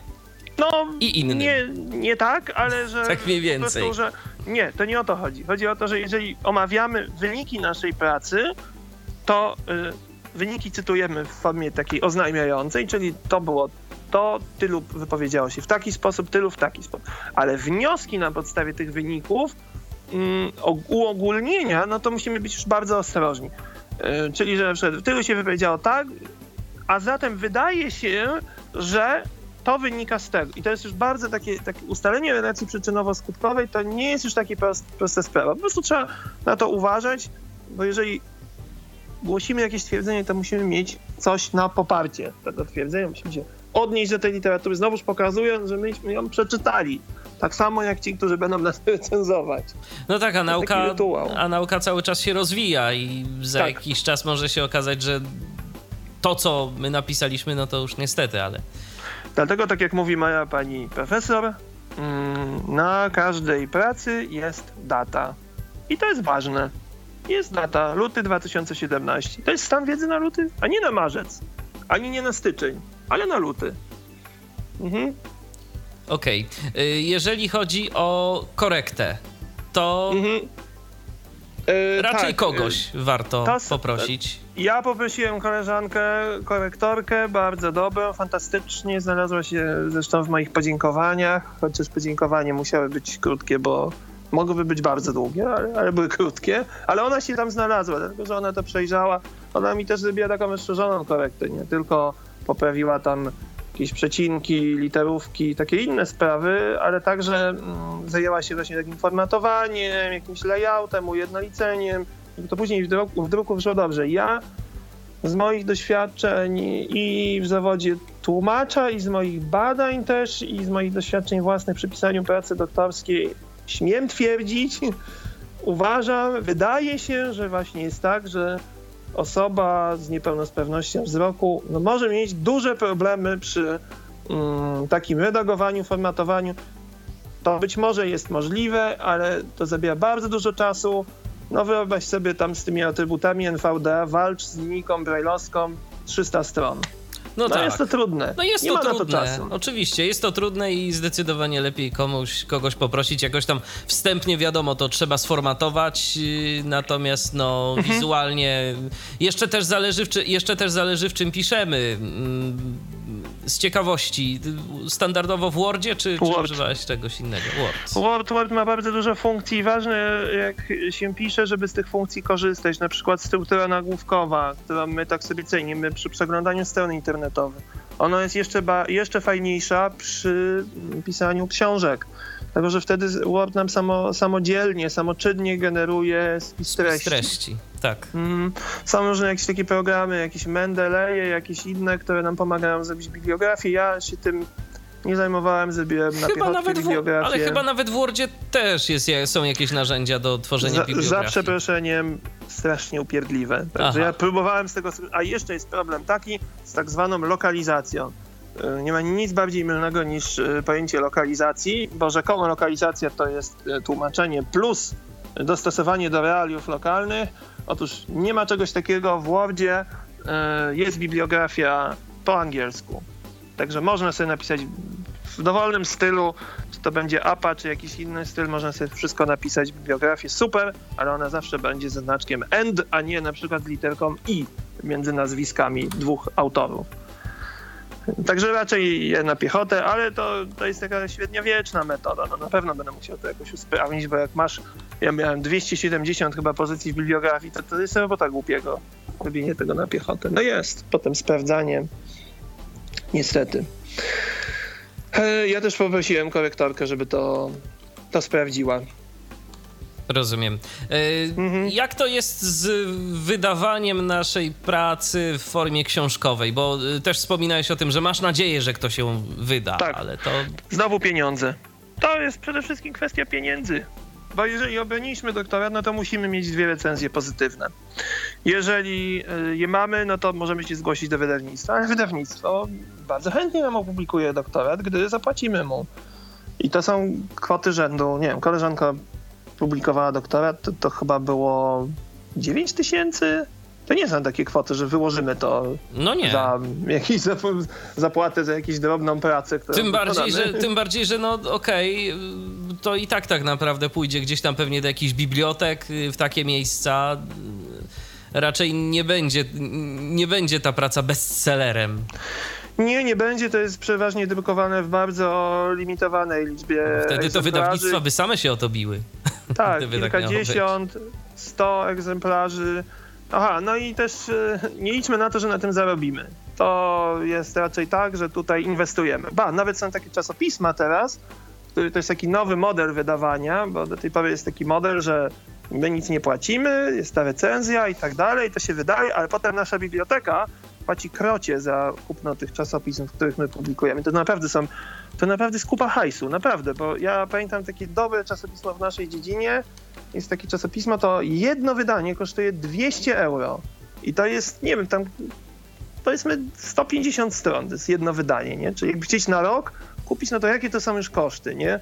Książka taka duża w tej naszej dziedzinie jest taka encyklopedia, to 1000 euro kosztuje. Także to są bardzo duże pieniądze, i teraz oni wpadli na to, bo teraz jest taka presja na to, żeby publiczne, finansowane z publicznych środków badania były też publicznie dostępne, co jest bardzo mądre i fajne, ale te wydawnictwa muszą z czegoś zarabiać. I one wpadły na to, że żeby się utrzymać, to one wprowadzą taki, taki model, że w takim razie to badacze niech płacą, niech mają w tych swoich grantach środki na y, publikacje i na przykład jak zapłacisz nam 2000 zł, to my ci będziemy, to my ci zrobimy ten proces recenzji, a potem proszę bardzo, niech będzie w Open Accessie to twoje, ta twoja publikacja. To jeszcze do naszej dziedziny, do mojej dziedziny nie dotarło, ale w naukach ścisłych jest też taki częsty model i to 2000 zł to jest taka, myślę, no niewielka kwota, jak na przyrodnicze i ścisłe. Z drugiej strony, no dostęp taki publiczny do tych prac to nie byłby głupi pomysł, no ale to można by przecież zrobić elektronicznie na przykład. Tak, ale właśnie to jest takie śmieszne, że te czasopisma, które są dostępne, przecież wszystko już jest dostępne elektronicznie i w ogóle można cytować elektronicznie i są takie DOI, Digital Object Identifier, to jest, można po tym sobie cytować nie tylko książki, publikacje, ale filmy, jakieś inne rzeczy. Wszystko to jest opracowane, ale to nie jest tak, że skoro nie ma papieru, nie ma dystrybucji, to ceny są mniejsze. Nie, to pismo właśnie, o którym mówię, dalej kosztuje 200 euro. Pamiętam, że moja promotorka opublikowała tam artykuł i ten jeden artykuł chyba kosztował w wersji elektronicznej 40 euro. 40 euro, tak, tak, to są mniej więcej takie ceny. A oczywiście one, no, my z takich, z, z takich artykułów po prostu nie dostajemy pieniędzy. To, nie, my to robimy, uczestniczymy w pewnej grze, że tak powiem, naukowej. Tak, a czasopisma sobie zarabiają. No to właśnie, tak, skoro to już. Do. Skoro już, tak. do, skoro już do kwestii finansowych przeszliśmy, to może właśnie porozmawiajmy o tych grantach, jakie można pozyskać w tak. trakcie y, pisania naszej pracy i na badania.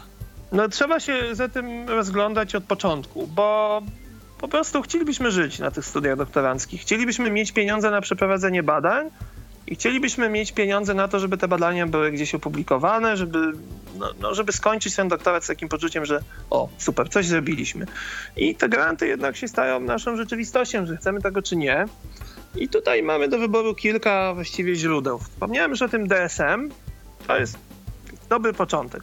Trzeba się zaraz, jak się zapisze, zapisujecie na studia doktoranckie, pierwsze pytanie, pójść i zapytać się, czy wydział, czy wasza jednostka dostaje tę dotację na statutową na młodych naukowców. I kiedy można składać o to wniosek, bo to nie jest tak. U nas na przykład to rok ca cała taka procedura trwa, żeby to dostać. No i trzeba mieć jakiś pomysł na badanie, składa się taki wniosek, znowu opinia promotora oczywiście, dotychczasowe osiągnięcia i w jakiejś tam drodze konkursu, nie wiem, też są warunki wydziałowe, każdy, każdy wydział sobie inaczej ustala, mm, się dostaje, no to jest jakby z rozdzielnika ministerialnego, on wynika z tego, jakiej klasy jest jednostka dana, to no, tam są A+, A, B, C. No C to jest taka, takie już kompletne badziewie do, do restrukturyzacji, A+, to jest chyba 30 parę takich jednostek w kraju. Także DSM to jest pierwsza rzecz, o której warto pamiętać. Można ją psychiatrycznie skojarzyć. Ten skrót można skojarzyć z innymi rzeczami też. Y, natomiast y,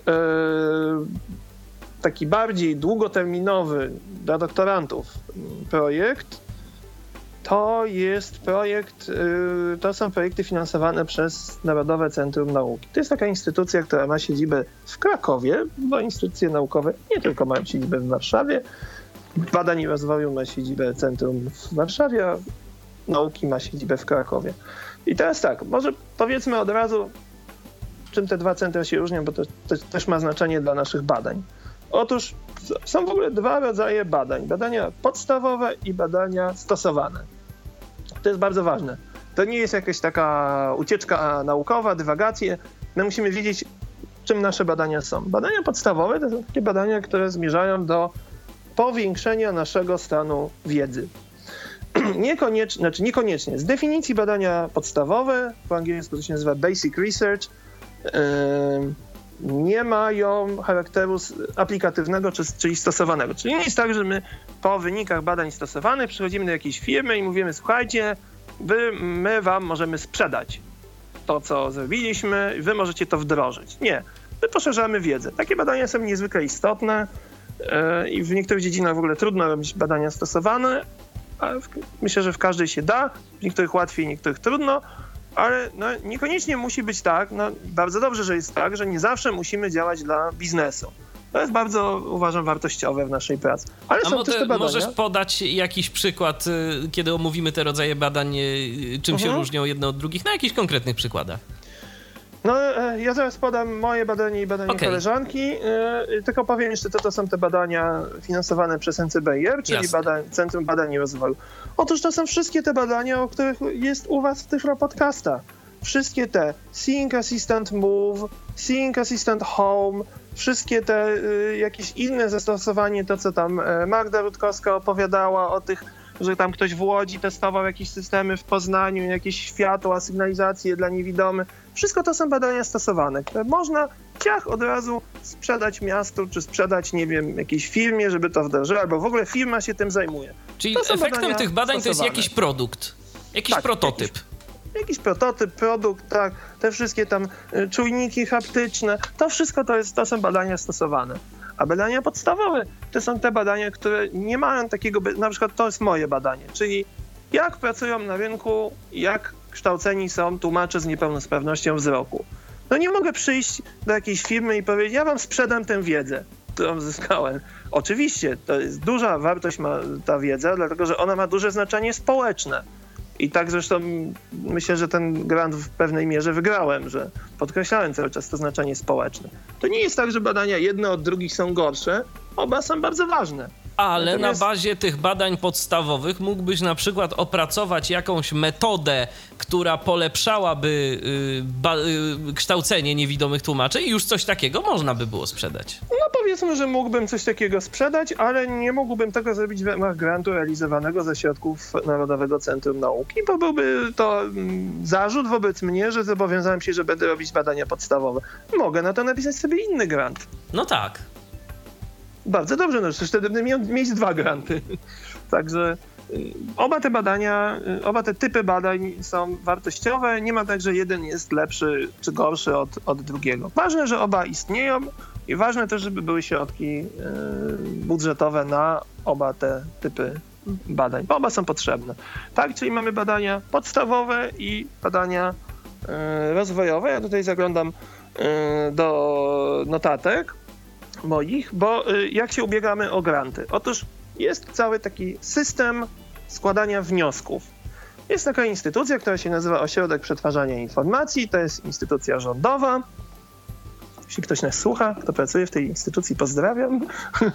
tak, y, i y, ta instytucja, ona zajmuje się tym, jak wskazuje jej nazwa, przetwarzaniem informacji. I informacji jest bardzo dużo, różnych, między innymi to jest budowanie i obsługa takiego systemu przyjmowania wniosków grantowych. Ten system e, Jezu, to jest obsługa strumieni finansowych, chyba to, to jakoś tak się nazywa, OSF w każdym razie. Strona jest osf.opi.org.pl. To jest, jak rozumiem, jakiś system elektroniczny.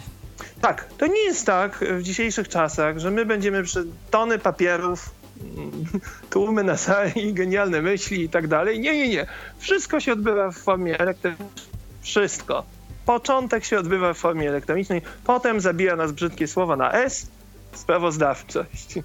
Tak, ale składamy wnioski w formie elektronicznej. To jest średnio dostępne, ale wiem z bardzo dobrego źródła, że OPI pracuje nad dostępnością. Jak ja składałem wnioski w OPI, to był koszmar. Teraz jak składałem raport końcowy do projektu już było lepiej, ale jeszcze musiałem kogoś prosić o sprawdzenie, czy wszystko jest ok. Ale myślę, że no, za jakiś czas będzie lepiej, ale nie martwmy się. Wcale nie jest tak, że jesteśmy najgorsi. Ostatnio też miałem do czynienia z projektami Erasmus, formularz aktywny PDF, koszmar totalny. W ogóle nie mogłem w tym uczestniczyć. O, tak to było. Czy w ogóle dość... procedura, y, już abstrahując od y, kwestii dostępności, czy procedura składania takiego wniosku to jest jakaś skomplikowana? Dużo wypełniania mhm. różnych? Tak, tak, moja koleżanka teraz to pisze. To się zmienia też, trzeba przeczytać taką instrukcję. No to kto pracował, nie wiem, w NGO-sach z projektami, to wie, że każdy projekt to jest masa różnych rzeczy do wypełniania Oj, tak. i tam trzeba dużo rzeczy podać. Trzeba podać na przykład to są składniki oceny. Trzeba podać własne osiągnięcie, osiągnięcie opiekuna, który zgodzi się też gdzieś tam podpisać i firmować naszą pracę. No bo skąd ma ten biedny NCN wiedzieć, że my nie urwaliśmy się jak ten słynny Filip z Konopi? Ten, ten, ten, tak, no, no, ktoś musi to wiedzieć, więc ktoś musi to firmować, że będzie się nami opiekował. Samodzielnie jakiś pracownik, który, który się tym zajmie. Potem no, musimy opisać do, dobrze ten projekt, musimy budżet przygotować. To jest koszmar, bo w tym budżecie to są różne pozycje, jest aparatura, jest potem koszty naszych wynagrodzeń, które nie mogą być tam większe niż ileś tam miesięcznie, chyba 1500 brutto, teraz z tych najnowszych wiadomości wiem, i 30% ogólnych kosztów projektu. To musimy spisać na lata. Można taki projekt realizować w rok, w dwa bądź w trzy. Do dyspozycji jest e, rocznie 60 tysięcy złotych. Potem jest jeszcze narzut naszej uczelni. No, musimy się dowiedzieć w jednostce, Akurat UW pobiera taki narzut 20% od wszystkiego poza, poza, poza aparaturą, tak? Bo no, oni obsługują, oni się bawią z tymi papierami, księgowo to obsługują. To jest przecież koszmar. My też oczywiście się z tym bawimy, ale no, uniwersytet to składuje, gdzieś to podpisuje, odpowiadają też za to. Jeżeli coś się nie powiedzie, no to odpowiadają za to, bo są też gwarantem. No, możemy oczywiście z wolnej stopy realizować, taki projekt, ale myślę, że to by było trudniejsze niż, niż przez uczelnię. Chociaż nie wiem. Także jest taki wniosek dość skomplikowany, tam jakieś oświadczenia, podpisy, to się wysyła w określonej formie. Ja nie wiem, czy to się teraz już tylko elektronicznie wysyła, czy też wydruk trzeba wysyłać. Potem jest to cała właśnie brzydkie słowo na S sprawozdawczość, bo co roku trzeba raport pisać, potem raport końcowy, pokazywać im, co się opublikowało na tej podstawie, jakie się ma osiągnięcia, co się zrobiło. Jest tego dużo. No ale jeżeli chcemy uczestniczyć na poważnie w tej naukowej grze, nazwijmy to tak, nau naukowej przygodzie, naukowej sytuacji, kontekście naukowym, to granty są bardzo ważne dla nas. No i no i to nam otwiera drogę do, nie wiem, zakupu sprzętu, zakupu, no właśnie, niezbędnej aparatury. Jeżeli mamy jakieś specjalistyczne badania, odczynniki, nieodczynniki, no w moim przypadku to były wywiady, więc kupiłem sobie porządny dyktafon, kupiłem sobie taki zestaw do transkrypcji, taki, mm, taki sterownik nożny, prawda? Kupiłem sobie też, nie wiem, monitor na wysięgniku, żeby mi pomagał w pracy. Świetny sprzęt bardzo jestem rad, że, że Narodowe Centrum Nauki zgodziło się wesprzeć mnie. Mam nadzieję, że nadzieje pokładane w moim wniosku spełniłem. Jeszcze nie mam informacji, czy raport został przyjęty. A jakieś, e, jakiś udział w konferencjach i podobnych też. rzeczach też może być z tego finansowany? Tak, tak, tak, tak. To jest właśnie to, że można tam, tam zawrzeć takie punkty, że my przeznaczymy na tę konferencję na przykład 15 tysięcy złotych, żeby mieć zabezpieczoną przyszłość konferencyjną i przez te dwa lata móc jeździć i opowiadać o, o tych konferencjach i nie przejmować się. Niestety, no to jest tak, że uczelnia publiczna to wszystko z przetargu, więc ten komputer to przetarg.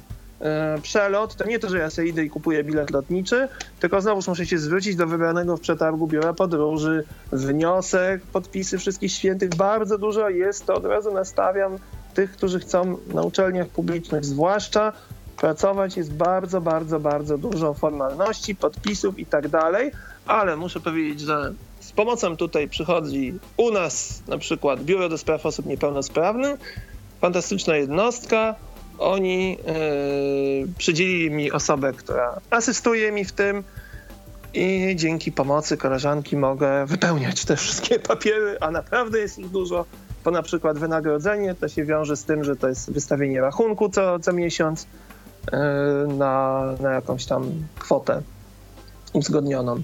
Potem są wszystkie, brzydkie słowo na D, delegacje, nie? To nie jest jeden papierek, to jest kilka papierków, potem trzeba zbierać wszystkie zaświadczenia. Zaświadczenia, jakieś rachunki pewnie. Rachunki, bilety, y, faktury za hotel. Te faktury muszą być wystawione na uczelnię. Na uczelnię, tak, no bo przecież y, inaczej nie. Tak, jest taka możliwość, e, to o tym jeszcze powiem, w temacie asysty. E, tu nieskromnie muszę powiedzieć, że sam to wywalczyłem dla nas. Nie wiem, jak to w końcu działa, bo też z tego nie skorzystałem, ale wywalczyć wywalczyłem. Jest w artykule 18 ustawy o zasadach finansowania nauki. Jest taki przepis, że właśnie jednostka, która ma osoby z niepełnosprawnością, może ubiegać się na taki o takie pieniądze na wsparcie właśnie, na asystę. Powiedzmy, ja to widzę tak, badania terenowe, potrzebujemy asysty. No nieraz jest tak, że nie pojedziemy sami, no po prostu. I można się o coś takiego ubiegać. Potem jest jeszcze takie coś, że już przy tym przy samym końcu doktoratu, tak jak powiedziałem, promotor otrzymuje wynagrodzenie i jest takie, taki dziwny swoją drogą przepis w jednym z rozporządzeń, to jest dotyczących wynagrodzenia.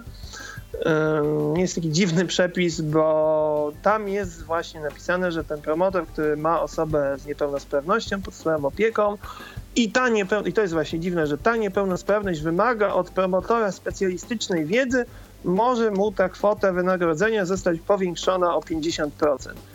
I teraz ja nie rozumiem, co to znaczy wymaga specjalistycznej wiedzy. Ja tak mówię, no wszystkim, wszystkim życzę, żeby mieli taką promotorkę fantastyczną jak ja, która zrobiła wszystko, żebym zrobił to badanie i jeszcze więcej.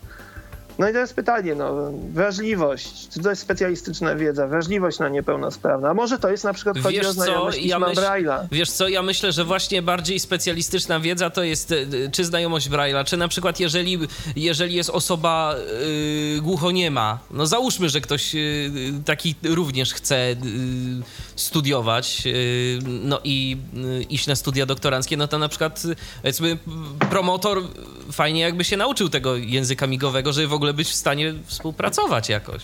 Hmm. A czy to jest takie bardzo niejasne? Ja też w najbliższych tygodniach będę chciał wyjaśnić ten przepis, bo, bo nie rozumiem go. Powiem szczerze, on jest tak jak wiele przecież przepisów prawnych w ten sposób skonstruowany, że ja go nie rozumiem. Ale jeszcze chciałem nawiązać do czegoś, co nam trochę umknęło a propos tych badań rozwojowych i podstawowych, o czymś, co jest absolutną nowością, a może to kogoś zainteresować, No. a mianowicie nowa forma doktoratu i to się nazywa doktorat wdrożeniowy. Cóż to takiego? I tenże doktorat wdrożeniowy to jak wiele przepisów w ostatnim czasie, yy, kilka tygodni temu jeszcze go nie było, a teraz już jest podpisana nowelizacja ustawy przez prezydenta i ciach już jest. I doktorat, już są pierwsze spotkania w Ministerstwie Nauki i Szkolnictwa Wyższego. Doktorat wdrożeniowy polega na tym, że ty masz pomysł, jak wdrożyć, yy, jak zmodernizować jakiś proces w firmie, no coś zrobić dla jakiegoś podmiotu. No właśnie, podmiotu gospodarczego. I to nie wiadomo. Ja to jeszcze nie wiem, to jest dopiero w powijakach. Jak, tak jak mówiłem, kilka tygodni to ma. Masz jakiś pomysł i dogadujesz się z tą firmą. No rozumiem, że występujecie wspólnie w jakimś konkursie. I teraz tak. Masz firmę i masz uczelnię wyższą, która ma specjalistę, no promotora twojego, czy opiekuna naukowego po otwarciu przewodu promotora. I ten, yy, wy podpisujecie jakoś, jakąś, rozumiem, że będzie na to umowa, tak? I teraz jest tak. Yy, doktorant otrzymuje stypendium doktoranckie w wysokości 2400 zł bodajże, plus ta firma, która cię przyjmuje, zobowiązuje się, że zatrudnicie minimum, yy, znaczy na cały etat zatrudnicie minimum przez czas trwania twojego doktoratu. A więc ty masz stabilizację, masz płacone składki, minimum, ponieważ teraz jest minimalna, to jest 2000, to zarabiasz około 4000 zł. No to już są dobre pieniądze w sumie. I zajmujesz Możesz- się wdrożeniem Tak, tego. zajmujesz się właśnie wdrożeniem jakiejś technologii, wdrożeniem czego. Ja jestem na przykład bardzo ciekaw, czy NGOsy mogłyby startować. No bo przecież my mamy różne rzeczy, na przykład w naszej mm, tematyce, które są wdrażane, prawda? Oczywiście. NGOsy, to jest pytanie, na które ja nie znam odpowiedzi. Z chęcią je zadam Ministerstwu Mi Nauki to, i mi, to przede wszystkim, Wyższego. mi to przede wszystkim kojarzy się z jakimiś e, takimi rozwiązaniami typowo IT. Yy, Tak. I, pewnie bardzo dużo tego typu y, rzeczy będzie realizowanych w ramach tych wdroże, wdrożeniowych doktoratów. Natomiast no być może można to przekuć również i na inne dziedziny. Czemu Natomiast nie? bądź, właśnie bądźmy otwarci na to, że e, coś takiego jest i może, może też to dałoby się wdrażać właśnie w innych dziedzinach. Z tego co wiem, to nie ma jakichś ograniczeń, że właśnie to jest tylko nauki ścisłe, tylko nauki przyrodnicze, e, w żadnym wypadku nie społeczne nauki. No na przykład, nie wiem, z takiej branży, która jest gdzieś tam mi trochę znana, gdzieś się o to ocieram, napisy dla niesłyszących czy też tak zwany re-speaking, czyli napisy na żywo dla niesłyszących przy pomocy, tworzone przy pomocy rozpoznawania mowy. Ile tutaj jest wdrożeniowych zastosowań, prawda? Oczywiście. No bo to jest telewizja, to są konferencje, to są y, programy. No, bardzo dużo tego jest. Myślę, że no na przykład w wielu krajach, mam, mam takiego kolegę, który pracuje pracował, nie wiem czy teraz pracuje, czy pracował w Anglii przez wiele lat i on właśnie mówi, że w ogóle te, tam jest tak to oceniane, że on musi wykazać, jaki jego pomysł kupiła jakaś firma, nie? Kupiła w cudzysłowie, nie? Także może w tym kierunku to idzie. Inna sprawa, jak my to oceniamy, ale, ale, ale tak wygląda na to, że taki jest, taki jest ten kierunek. Może ktoś się zainteresuje tym. Oczywiście. To teraz porozmawiajmy o tym, co y, za tobą i co przed tobą, czyli o przewodzie hmm. i o obronie. Tak, yy, przewód. Jak wygląda ten przewód? Przewód, no tak jak powiedziałem, otwieramy w momencie, kiedy nasz promotor, nasz opiekun naukowy, który staje się promotorem po otwarciu przewodu, czy też wszczęciu przewodu doktorskiego, e, pozwoli nam na to. tak, składamy dokumentację, tam są też jakieś takie kwestionariusze danych osobowych, CV, to wszystko jest formalność, wiadomo, że tego nikt nie sprawdza, ale, ale musi to być. Ze względów po prostu formalnych wymagane jest to. I składamy taki wniosek, on może być na przykład opiniowany przez jakąś specjalną komisję. U nas na przykład tak jest, że taka komisja się nad tym pochyla wnioskiem i sprawdza, czy zwłaszcza tytuł jest przedmiotem u nas dużych obrad. W komisji jest przedstawiciel doktorantów, ja coś o tym wiem, bo takim przedstawicielem byłem przez wiele lat, który broni naszych interesów. Komisja przyjmuje, Rada Wydziału potem przyjmuje taki przewód i jest otwarty przewód doktorski. I piszemy, piszemy, piszemy dochodzimy do momentu, gdzie tam już powiedzmy kończymy pisanie, składamy doktorat. To ja może powiem na moim przykładzie, żeby też było wiadomo, jak długo to trwa. A w moim przypadku uważam, że to jest błyskawicznie, jak na te przy, przykłady, które ja znam, błyskawicznie. Złożyłem, ja pamiętam to wydrukowane, miałem egzemplarz 10 lutego chyba, czy 9 złożyłem. Mhm. I teraz to trafiło na Radę Wydziału 22 lutego. Na Radę Wydziału to trafia po oczywiście jakby kontrasygnacie promotorki i pojawia się to na Radzie Wydziału. Też wiem jako insider, bo też w tym uczestniczyłem wiele lat, wiem jak to wygląda. Jest e, ogłaszane, że taka rozprawa się pojawiła, że promotor przyjął taką rozprawę i ją zgłasza. I Rada Wydziału jakby dopuszcza do dalszych etapów przewodu doktorskiego i przede wszystkim wyznacza recenzentów. To nie są recenzenci wzięci z nieba. Promotor proponuje takich recenzentów. Rada Wydziału i rola się ogranicza do zaakceptowania recenzentów. Recenzenci też muszą mieć jakiś dorobek naukowy, muszą mieć stopień y, doktora habilitowanego, czyli samodzielnie minimum. Y, chyba tak, chyba tak, tak, tak, tak. Y, I mm, wyznacza tytuł egzaminu oraz skład komisji do przeprowadzenia egzaminu z dyscypliny podstawowej. Zaraz powiem o co chodzi. Ale Zabrzmiało powiem, groźnie. Tak, bo jest to dla wielu groźniejsze niż sama obrona publiczna. Ale zanim do tego dojdziemy, to yy, no tam ta procedura się zmieniła jeszcze, ale powiedzmy, że język obcy. Język obcy, jeżeli się nie studiowało na studiach językowych, to się zdaje język obcy. Ja i tak zdawałem język obcy, była to bardzo miła formalność. E, zdawałem język hiszpański, bo to mój drugi język mm, na dyplomie, więc mogłem tylko ten zdawać, pierwszego nie mogłem. Bardzo miła rozmowa. Język obcy mamy za sobą. Potem jest dyscyplina dodatkowa, podstawowa dodatkowa, zwracam na to uwagę. Dodatkowa możemy sobie wybierać z tego, co nasz, nasza uczelnia oferuje. Socjologię w moim wypadku, ale filozofia, filozofia głównie wybierana. Po angielsku doktorat się mówi PhD i to jest właśnie dlatego, że to jest philosophy doctor, tak? Bo to jest zawsze ten egzamin z filozofii, tak? Mhm. Y, głównie ludzie to wybierają, ekonomia, pedagogika, no jest tych dyscyplin sporo. To nie jest tak, że sobie idziemy do byle kogo, też musi być wyznaczony pracownik przez Radę Wydziału mm, na przykład socjologii, który będzie takie egzaminy robił. I też ten egzamin, znaczy wiecie, to już jest tak, że jak już się zdaje te egzaminy, to... Ale y, jak to wygląda, jeżeli chodzi o y, w ogóle przygotowanie się do takiego, takiego już, egzaminu? Już mówię, już no mówię. Właśnie, bo... Przeważnie to jest taka przyjacielska rozmowa, no bo jeżeli się decyduje, na przykład ja się zdecydowałem na socjologię, no to już coś tam miałem jakieś pojęcie o tej socjologii, gdzieś teorię socjologiczną jakąś wykorzystywałem.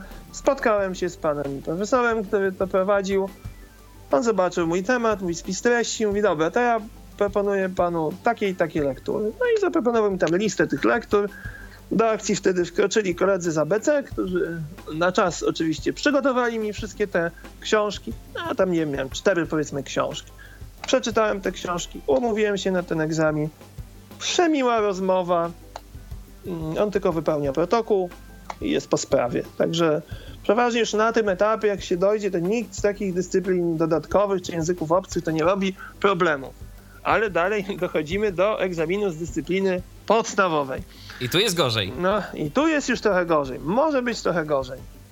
Bo co to jest egzamin z dyscypliny podstawowej? To jest egzamin z tej, czy też kierunkowej.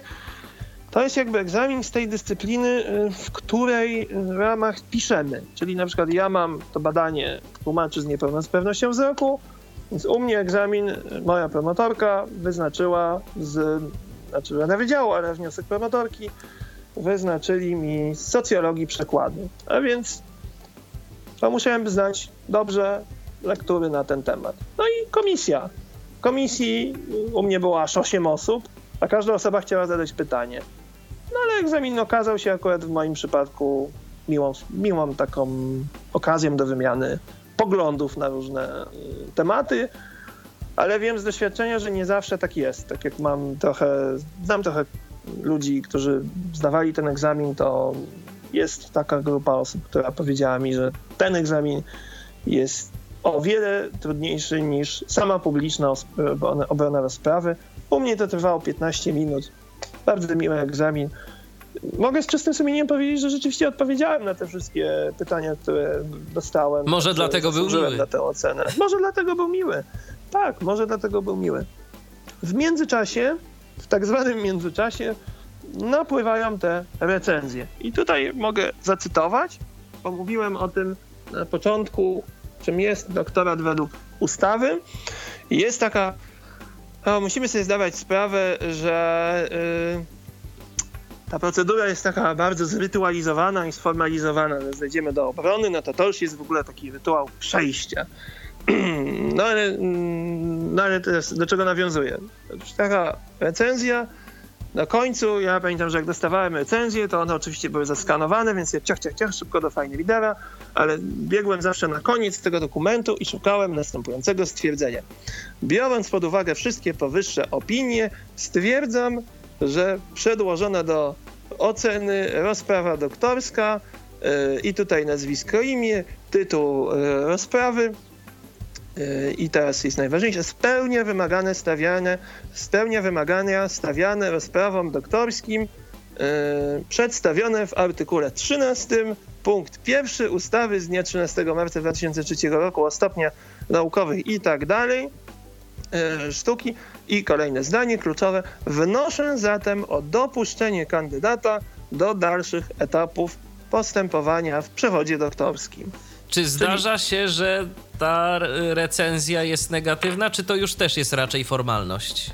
E, no, myślę, że spotkałem się z takimi sytuacjami, no bo to właśnie kręcąc się gdzieś tam przy Radzie Wydziału, może na poziomie habilitacji zdarzają się negatywne recenzje i wtedy to jest już taka wyjątkowa sytuacja. Na poziomie doktoratu myślę, że trudniej jest o to, ale wyobrażam sobie, że takie sytuacje mogą się zdarzyć. Ale no oczywiście promotor to przyjmuje, podpisuje się pod tym też. Także raczej nie, ale to nie jest tak, że ta recenzja będzie zawsze pozytywna, hura optymistyczna. Może, być, może mieć wiele zastrzeżeń, a do tych zastrzeżeń będziemy musieli się potem odnieść. Także mając te w garści dwie recenzje, egzamin z dyscypliny dodatkowej i z języka, możemy przystąpić do egzaminu z dyscypliny podstawowej. Jak przystąpimy i zdamy egzamin z dyscypliny podstawowej, znowu zbiera się Rada Wydziału. U mnie to nastąpiło dokładnie wczoraj, we wtorek. I znowu wychodzi ktoś, nie wiem, nie ma mnie tam już, wychodzi ktoś i mówi, kandydat zdał te wszystkie egzaminy, jego postawa na egzaminie z dyscypliny podstawowej została oceniona pozytywnie. W związku z tym komisja na podstawie recenzji i przedłożonej dokumentacji egzaminów wnosi o dopuszczenie do publicznej obrony rozprawy doktorskiej. I znowu głosuje Rada Wydziału, głosowanie tajne, głosują tylko habilitowani wzwyż. i wyznaczamy termin. No ja już właśnie jestem na tym etapie, kiedy jest ten termin i potem rzecz na bieżąco mam to, pisze się tak zwany autoreferat, czyli taki skrót doktoratu. W moim przypadku to ma teraz 9 stron, właśnie go odesłałem przed naszą audycją do mojej promotorki do sprawdzenia. Znając ją, to już pewnie jest y, z uwagami odesłanym, bo już rozmawiamy z półtorej godziny pewnie, czy godzinę. No półtorej mniej więcej. Mhm. I taki autoreferat to jest coś, co się rozdaje y, członkom komisji y, przeprowadzającej egzamin z dyscypliny podstawowej. Przepraszam, egzamin oczywiście z egzaminy publiczną obrony rozprawy doktorskiej. Oni to dostają. Czyli to jest teraz... na zasadzie, żeby wiedzieli, o czym ta praca jest. Tak jest. I teraz są dwie szkoły. Jedna szkoła mówi, to jest gorsza szkoła dla mnie, mówi, bierzesz ten autoreferat i podczas publicznej obrony rozprawy doktorskiej czytasz go.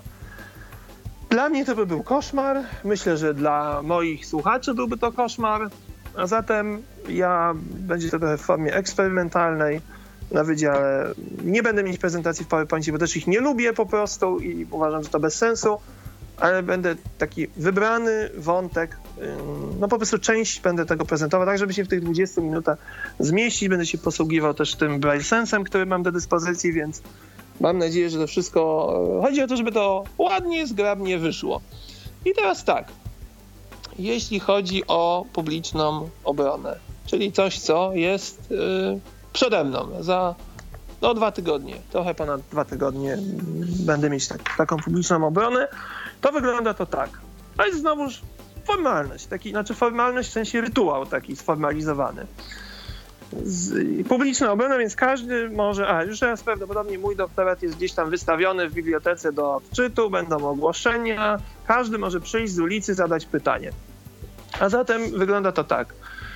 Jest określona godzina, tam dwa tygodnie wcześniej podana do publicznej wiadomości, sala, miejsce, mm, czas i tak dalej. I e, wychodzi przewodniczący komisji, no, rozpoczyna obrady, następnie promotor mm, taki robi prezentację kandydata, czyli tam właśnie na te wszystkie jakby te stawki, które się liczą w tej grze naukowej, czyli te publikacje, konferencje, w ilu to uczestniczył, jakie miał stypendia, jakie nagrody zdobył, jakie projekty realizował, chwali po prostu tego. Promotor wiadomo, że promuje, więc chwali. No tak. Następnie kandydat jest proszony o wygłoszenie tego autoreferatu, to jest około 20 minut, a następnie e, recenzenci odczytują recenzję, bądź jeżeli nie ma recenzentów, to ktoś inny z komisji odczytuje recenzję. I to długo trwa, bo te recenzje to jest też kilka ładnych stron. No ale ja już mam te recenzje do, do dyspozycji, więc ja e, jakby wiem, znam ich treść, wiem do czego się odnieść. No i potem jest taka prośba, żeby kandydat się odniósł do uwag w recenzji. I ja to czynię.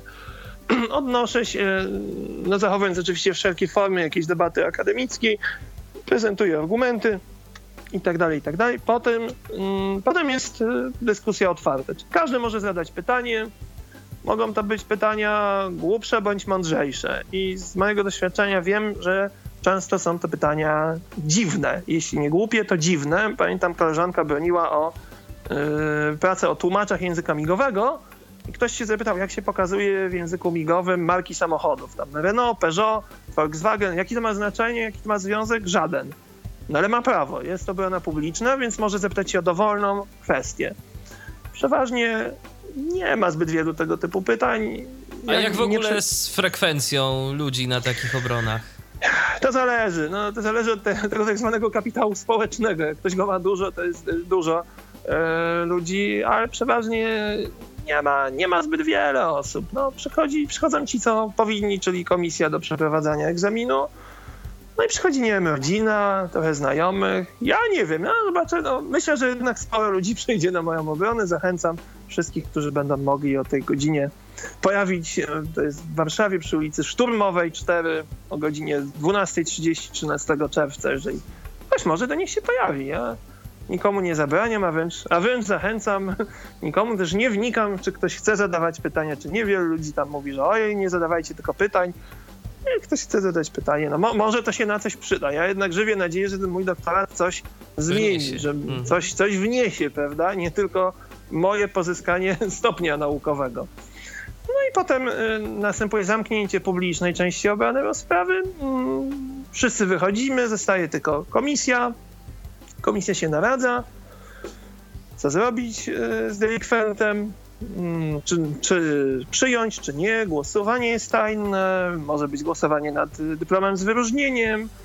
Y, jest taka jest jaka śmiejemy się z taką koleżanką moją, która już przez to przeszła. Mówi, słuchaj, przecież to tak długo trwa, dlatego że oni się rzadko spotykają, więc załatwiają jakieś po prostu y, sprawy bieżące. Może i tak jest. Nie wiadomo. No, nie wiem. Mnie nie ma na tym. Może na tej, kiedyś sam będziesz miał okazję uczestniczyć w takich obradach, to wtedy będziesz mógł powiedzieć, jak to wtedy wygląda. chęcią opowiem, Zrobimy suplement. To tak jak powiedziałem, minimum 10 lat. No. Minimum, także suplement za 10 lat co najmniej. Jeśli w ogóle, jeśli w ogóle, bo to nie wiadomo jeszcze, na tym etapie to wszystko może się zmienić. No i potem już tylko kandydat jest zapraszany, wszyscy są zapraszani, jest odczytanie werdyktu komisji, no a następnie tradycyjny poczęstunek, e, czytaj wino. I to jest wszystko. I to a, jest wszystko. I to, I to nie oznacza nadania stopnia doktorskiego. To tylko oznacza, że komisja zwraca się do Rady Wydziału, która na następnym posiedzeniu, czy też jednym z następnych posiedzeń nadaje stopień doktora. I tu już nie o. ma głosowania. Jest głosowanie i jest taki precedens, jest taki precedens, że y, było głosowanie negatywne. Kiedy komisja się zwróciła, to y, był doktorat y, pana Marka Goliszewskiego, przewodniczącego jednej z organizacji pracodawców, no, gdzie się, znalazła się taka grupa ludzi, która wytknęła mu różne nieścisłości. Komisja przyjęła to, ale w międzyczasie prasa rozdmuchała tę sprawę. No i właśnie ten ostatni zawód bezpieczeństwa, Rada Wydziału i oni odrzucili ten doktorat. I mimo tego, że komisja przyjęła sprawę publiczną, to Rada Wydziału w głosowaniu tajnym odrzuciła no ale to jest sytuacja no jedna na tysiąc pewnie albo na dziesięć tysięcy.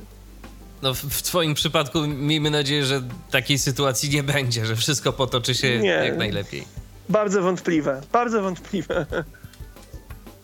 Czy coś jeszcze y, oprócz tych rzeczy, o których mówiliśmy, warto dodać do, do całej procedury? Tak, y, do procedury rozprawy y, nie, ale jest jeszcze jedna ważna rzecz, o której nie powiedzieliśmy, a myślę, że warto powiedzieć osobom, które zastanawiają się, czy to jest warte świeczki, czy nie. Otóż jest taki wymóg, i to znowu jest też wymóg, że musimy prowadząc działalność naukową, również e, angażować się w zajęcia dydaktyczne. Minimum 10 godzin pod opieką i w obecności doświadczonego pracownika naukowego lub promotora. Y, to jest po to, żebyśmy potrafili na wszelki wypadek, gdyby się nam potem zdarzyło być już pracownikami uczelni, nauczać. I też są jakieś takie godziny jeszcze wcześniej, dostajemy takie szkolenie z dydaktyki szkoły wyższej. I to jest też ustawowo, to nie, nieważne jaka to szkoła, to każdy doktorant musi coś takiego przejść. Niestety to 10 godzin, czy tam 20, do 90 to są godziny bezpłatne, ale one są tylko i wyłącznie wtedy bezpłatne, kiedy są realizowane w obecności promotora, opiekuna naukowego lub innego doświadczonego pracownika dydaktycznego. Czyli nie ma tak, że uczelnia wysyła doktoranta na trzy bloki zajęciowe, to jest 90 godzin, każdy po 30 godzin, taki blok zajęciowy, masz sobie rać. Nie może. Jeśli nie płaci, to musi być ktoś wtedy obecny. I już. Ale dydaktyka jest rzeczą bardzo ważną i nie uciekniemy od tej dydaktyki jako doktoranci. Ja na przykład przez długi czas uciekałem, ale teraz prowadzę zajęcia dydaktyczne. Myślę, że ja na przykład, no nie wiem, jak inne osoby, które by chciały podjąć taką działalność doktorancką, ja miałem trochę obaw, y, jak ja sobie poradzę ze studentami i tak dalej. No musiałem jakby wymyślić bardzo wiele rzeczy, chociaż no taka prosta rzecz, jak sprawdzę listę obecności, nie? Jak to zrobić, nie? Musi być jakimś warunkiem zdania potem obecność. Tak? A ja wymyśliłem, że na przykład każę im kolejno odlicz, podać nazwisko i imię. Po prostu, no i nie ma szans właściwie, żeby nie zmienili. No ja mam grupy warsztatowe, grupy ćwiczeniowe. Więc to są mniejsze grupy, mm. tak? Tak, tak, tak. Także to jest też inna sytuacja, ale doktoranci głównie dostają takie rzeczy. Doktorant nie dostaje wykładów, bo wykłady to prowadzą pracownicy już ze stopniami naukowymi. Także na to się raczej szykujcie. E, ćwiczenia, warsztaty i tak dalej. To są ważne rzeczy. Myślę, że jest to bardzo rozwojowe. Myślę, że jest to jak najbardziej dostępne. Znowu tu się kłania asysta i u nas jest takie wsparcie też biura do spraw osób niepełnosprawnych.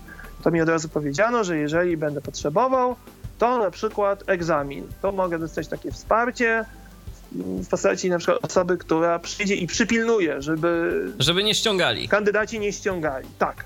Albo na przykład zbierze papiery, nie? I pomoże mi ogarnąć te, te papiery. Także... Także nie bać się tego, bo zawsze jest jakaś możliwość uzyskania wsparcia. No i też myślę, że mm, ludzie, którzy pracują na uczelni, nie są głupcami i nie dadzą nas do zadania, y, którego nie będą wiedzieli, że, no, no, że zrobimy, tak? No bo to jest bez sensu. Oni, ich też obowiązują przepisy o jakości kształcenia, potem są ankiety, to wpływa na ocenę tam jednostki prowadzącej studia.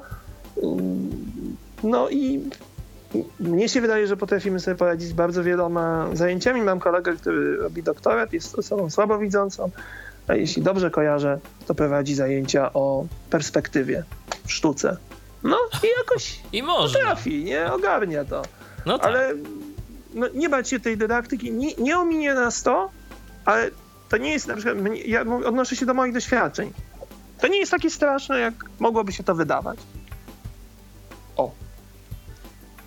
I to w ogóle chyba tak można podsumować y, kwestię y, zarówno y, pisania pracy, przewodu, jak i obrony, że to, to, że to chyba też w ogóle nie jest takie straszne, jakby się mogło wydawać.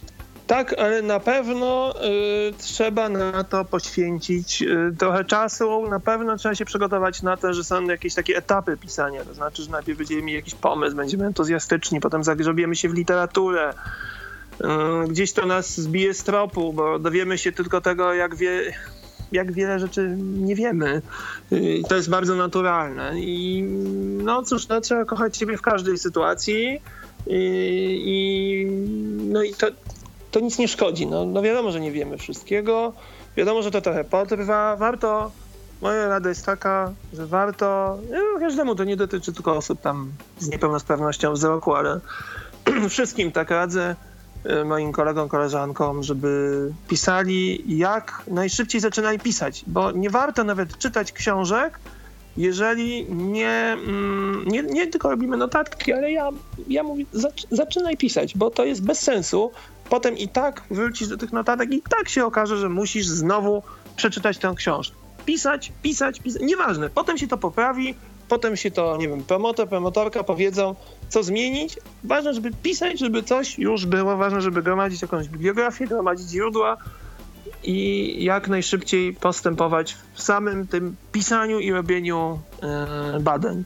Z mojego doświadczenia ta teoria no straszna udręka. Ja to, te, te teorie, te, te teoretyczne to krwią, potem i znojem pisane, ale no właśnie, no, fantastyczna promotorka, bardzo mi pomagała, nawet poprawiała mi przecinki, w wakacje umawialiśmy się na te korekty kilkudziesięciu stron, e, ona w środku wakacji, byliśmy od dawna umówieni, ciach, ciach, wszystko było poprawione. Potem empiria, potem już ta praktyka, to to już lepiej. To już taka przyjemność, bo już się pracuje z tym materiałem, który, który się samemu zebrało i jest to. No i wtedy też, jak się zrobi dobrze tę część teoretyczną, to się widzi, że kurczę, to wszystko pasuje, to, to wszystko to ma jest ogarnialne.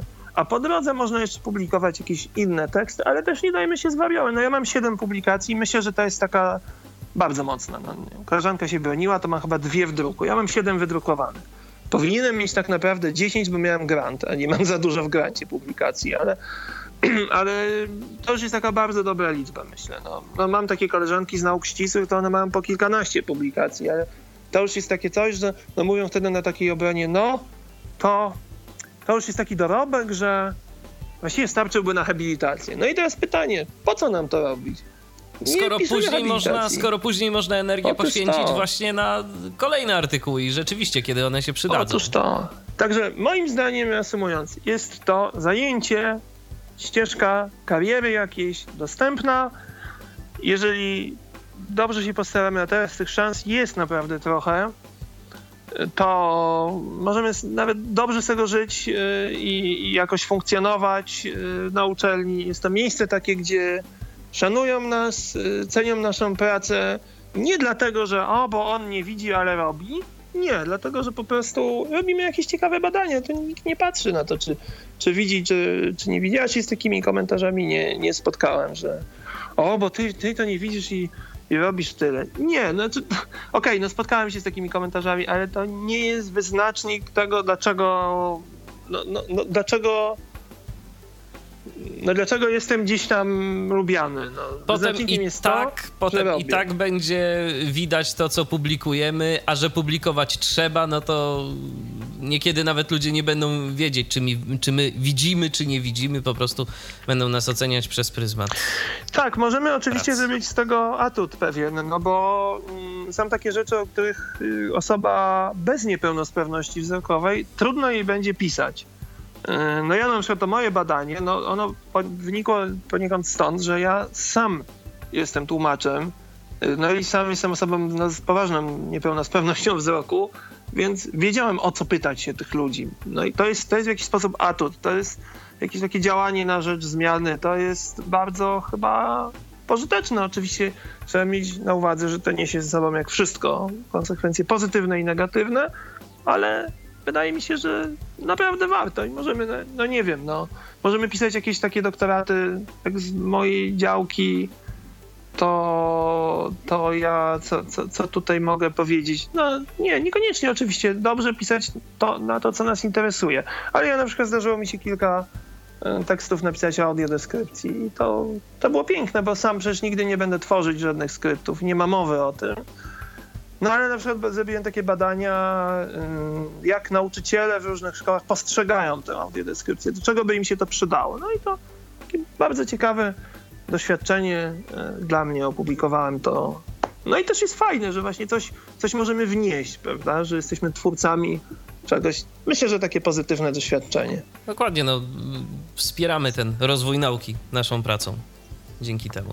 Tak jest. No to zachęcamy wszystkich tych, którym się chce po prostu, żeby kontynuowali swoją naukę, bo, bo można i warto, jak się okazuje. Wojtek tu wyraźnym dowodem, Wacław zresztą nasz y, poprzedni gość również y, poszedł tą ścieżką. No i kto wie, gdzie skończycie, na jakich tytułach. No nie jest nas niestety zbyt wielu, nawet nie ma za bardzo statystyki, ile jest osób z niepełnosprawnościami na studiach doktoranckich, tylko mamy dane na temat tego, ile osób pobiera stypendia specjalne. To jest trochę żenujące w ogóle, że tego nie ma w sprawozdawczości. Wiemy, że stypendia specjalne pobiera około tysiąca osób na trzecim stopniu studiów, czyli studiach doktoranckich. Doktorantów jest obecnie 40 tysięcy, także fajnie by było, żeby nas tam było więcej. Nie dlatego, że niepełnosprawność, tylko dlatego, że naprawdę jest bardzo wiele osób, które mają bardzo wiele ciekawego, sensownego do zaproponowania ja też miałem takie podejście, tak jak mówiłem na początku, to nie jest dla mnie, w ogóle nienawidzę, już nie wrócę do tego instytutu, nie ma mowy. A okazało się, że jakoś to inaczej wyszło. I jest to przede wszystkim, moim zdaniem, jest dostępne i jest możliwość e, znalezienia mm, odpowiedzi na, na różne pytania, które mogą nas dręczyć. Ja osobiście polecam, polecam się jako źródła informacji. Jeśli mogę, podam może kontakt Proszę do mnie. bardzo mój adres mailowy to w.figiel, tak jak moje nazwisko, czyli f-i-g-i-l, tak jak rzeczownik, małpka uw.edu.pl. Ponieważ dzisiaj różne rzeczy się tam otarłem i jakieś krajowe reprezentacje doktorantów gdzieś tam pracowałem, mam teraz kontakt z facetem, który jest pełnomocnikiem do spraw doktorantów z niepełnosprawnością. Też bardzo fajny facet, otwarty i dużo wie. Też w ogóle cała historia. Człowiek historia. Jeśli słucha nas Andrzej, to pozdrawiam. Mm, także zachęcam do kontaktu. Jeżeli będę potrafił jakoś pomóc, to na pewno to zrobię. I znajmy przepisy prawa, bo one działają przeważnie na naszą korzyść. A nie wszyscy je znają. A to rzeczywiście, no, zresztą mówi się, nieznajomość prawa szkodzi.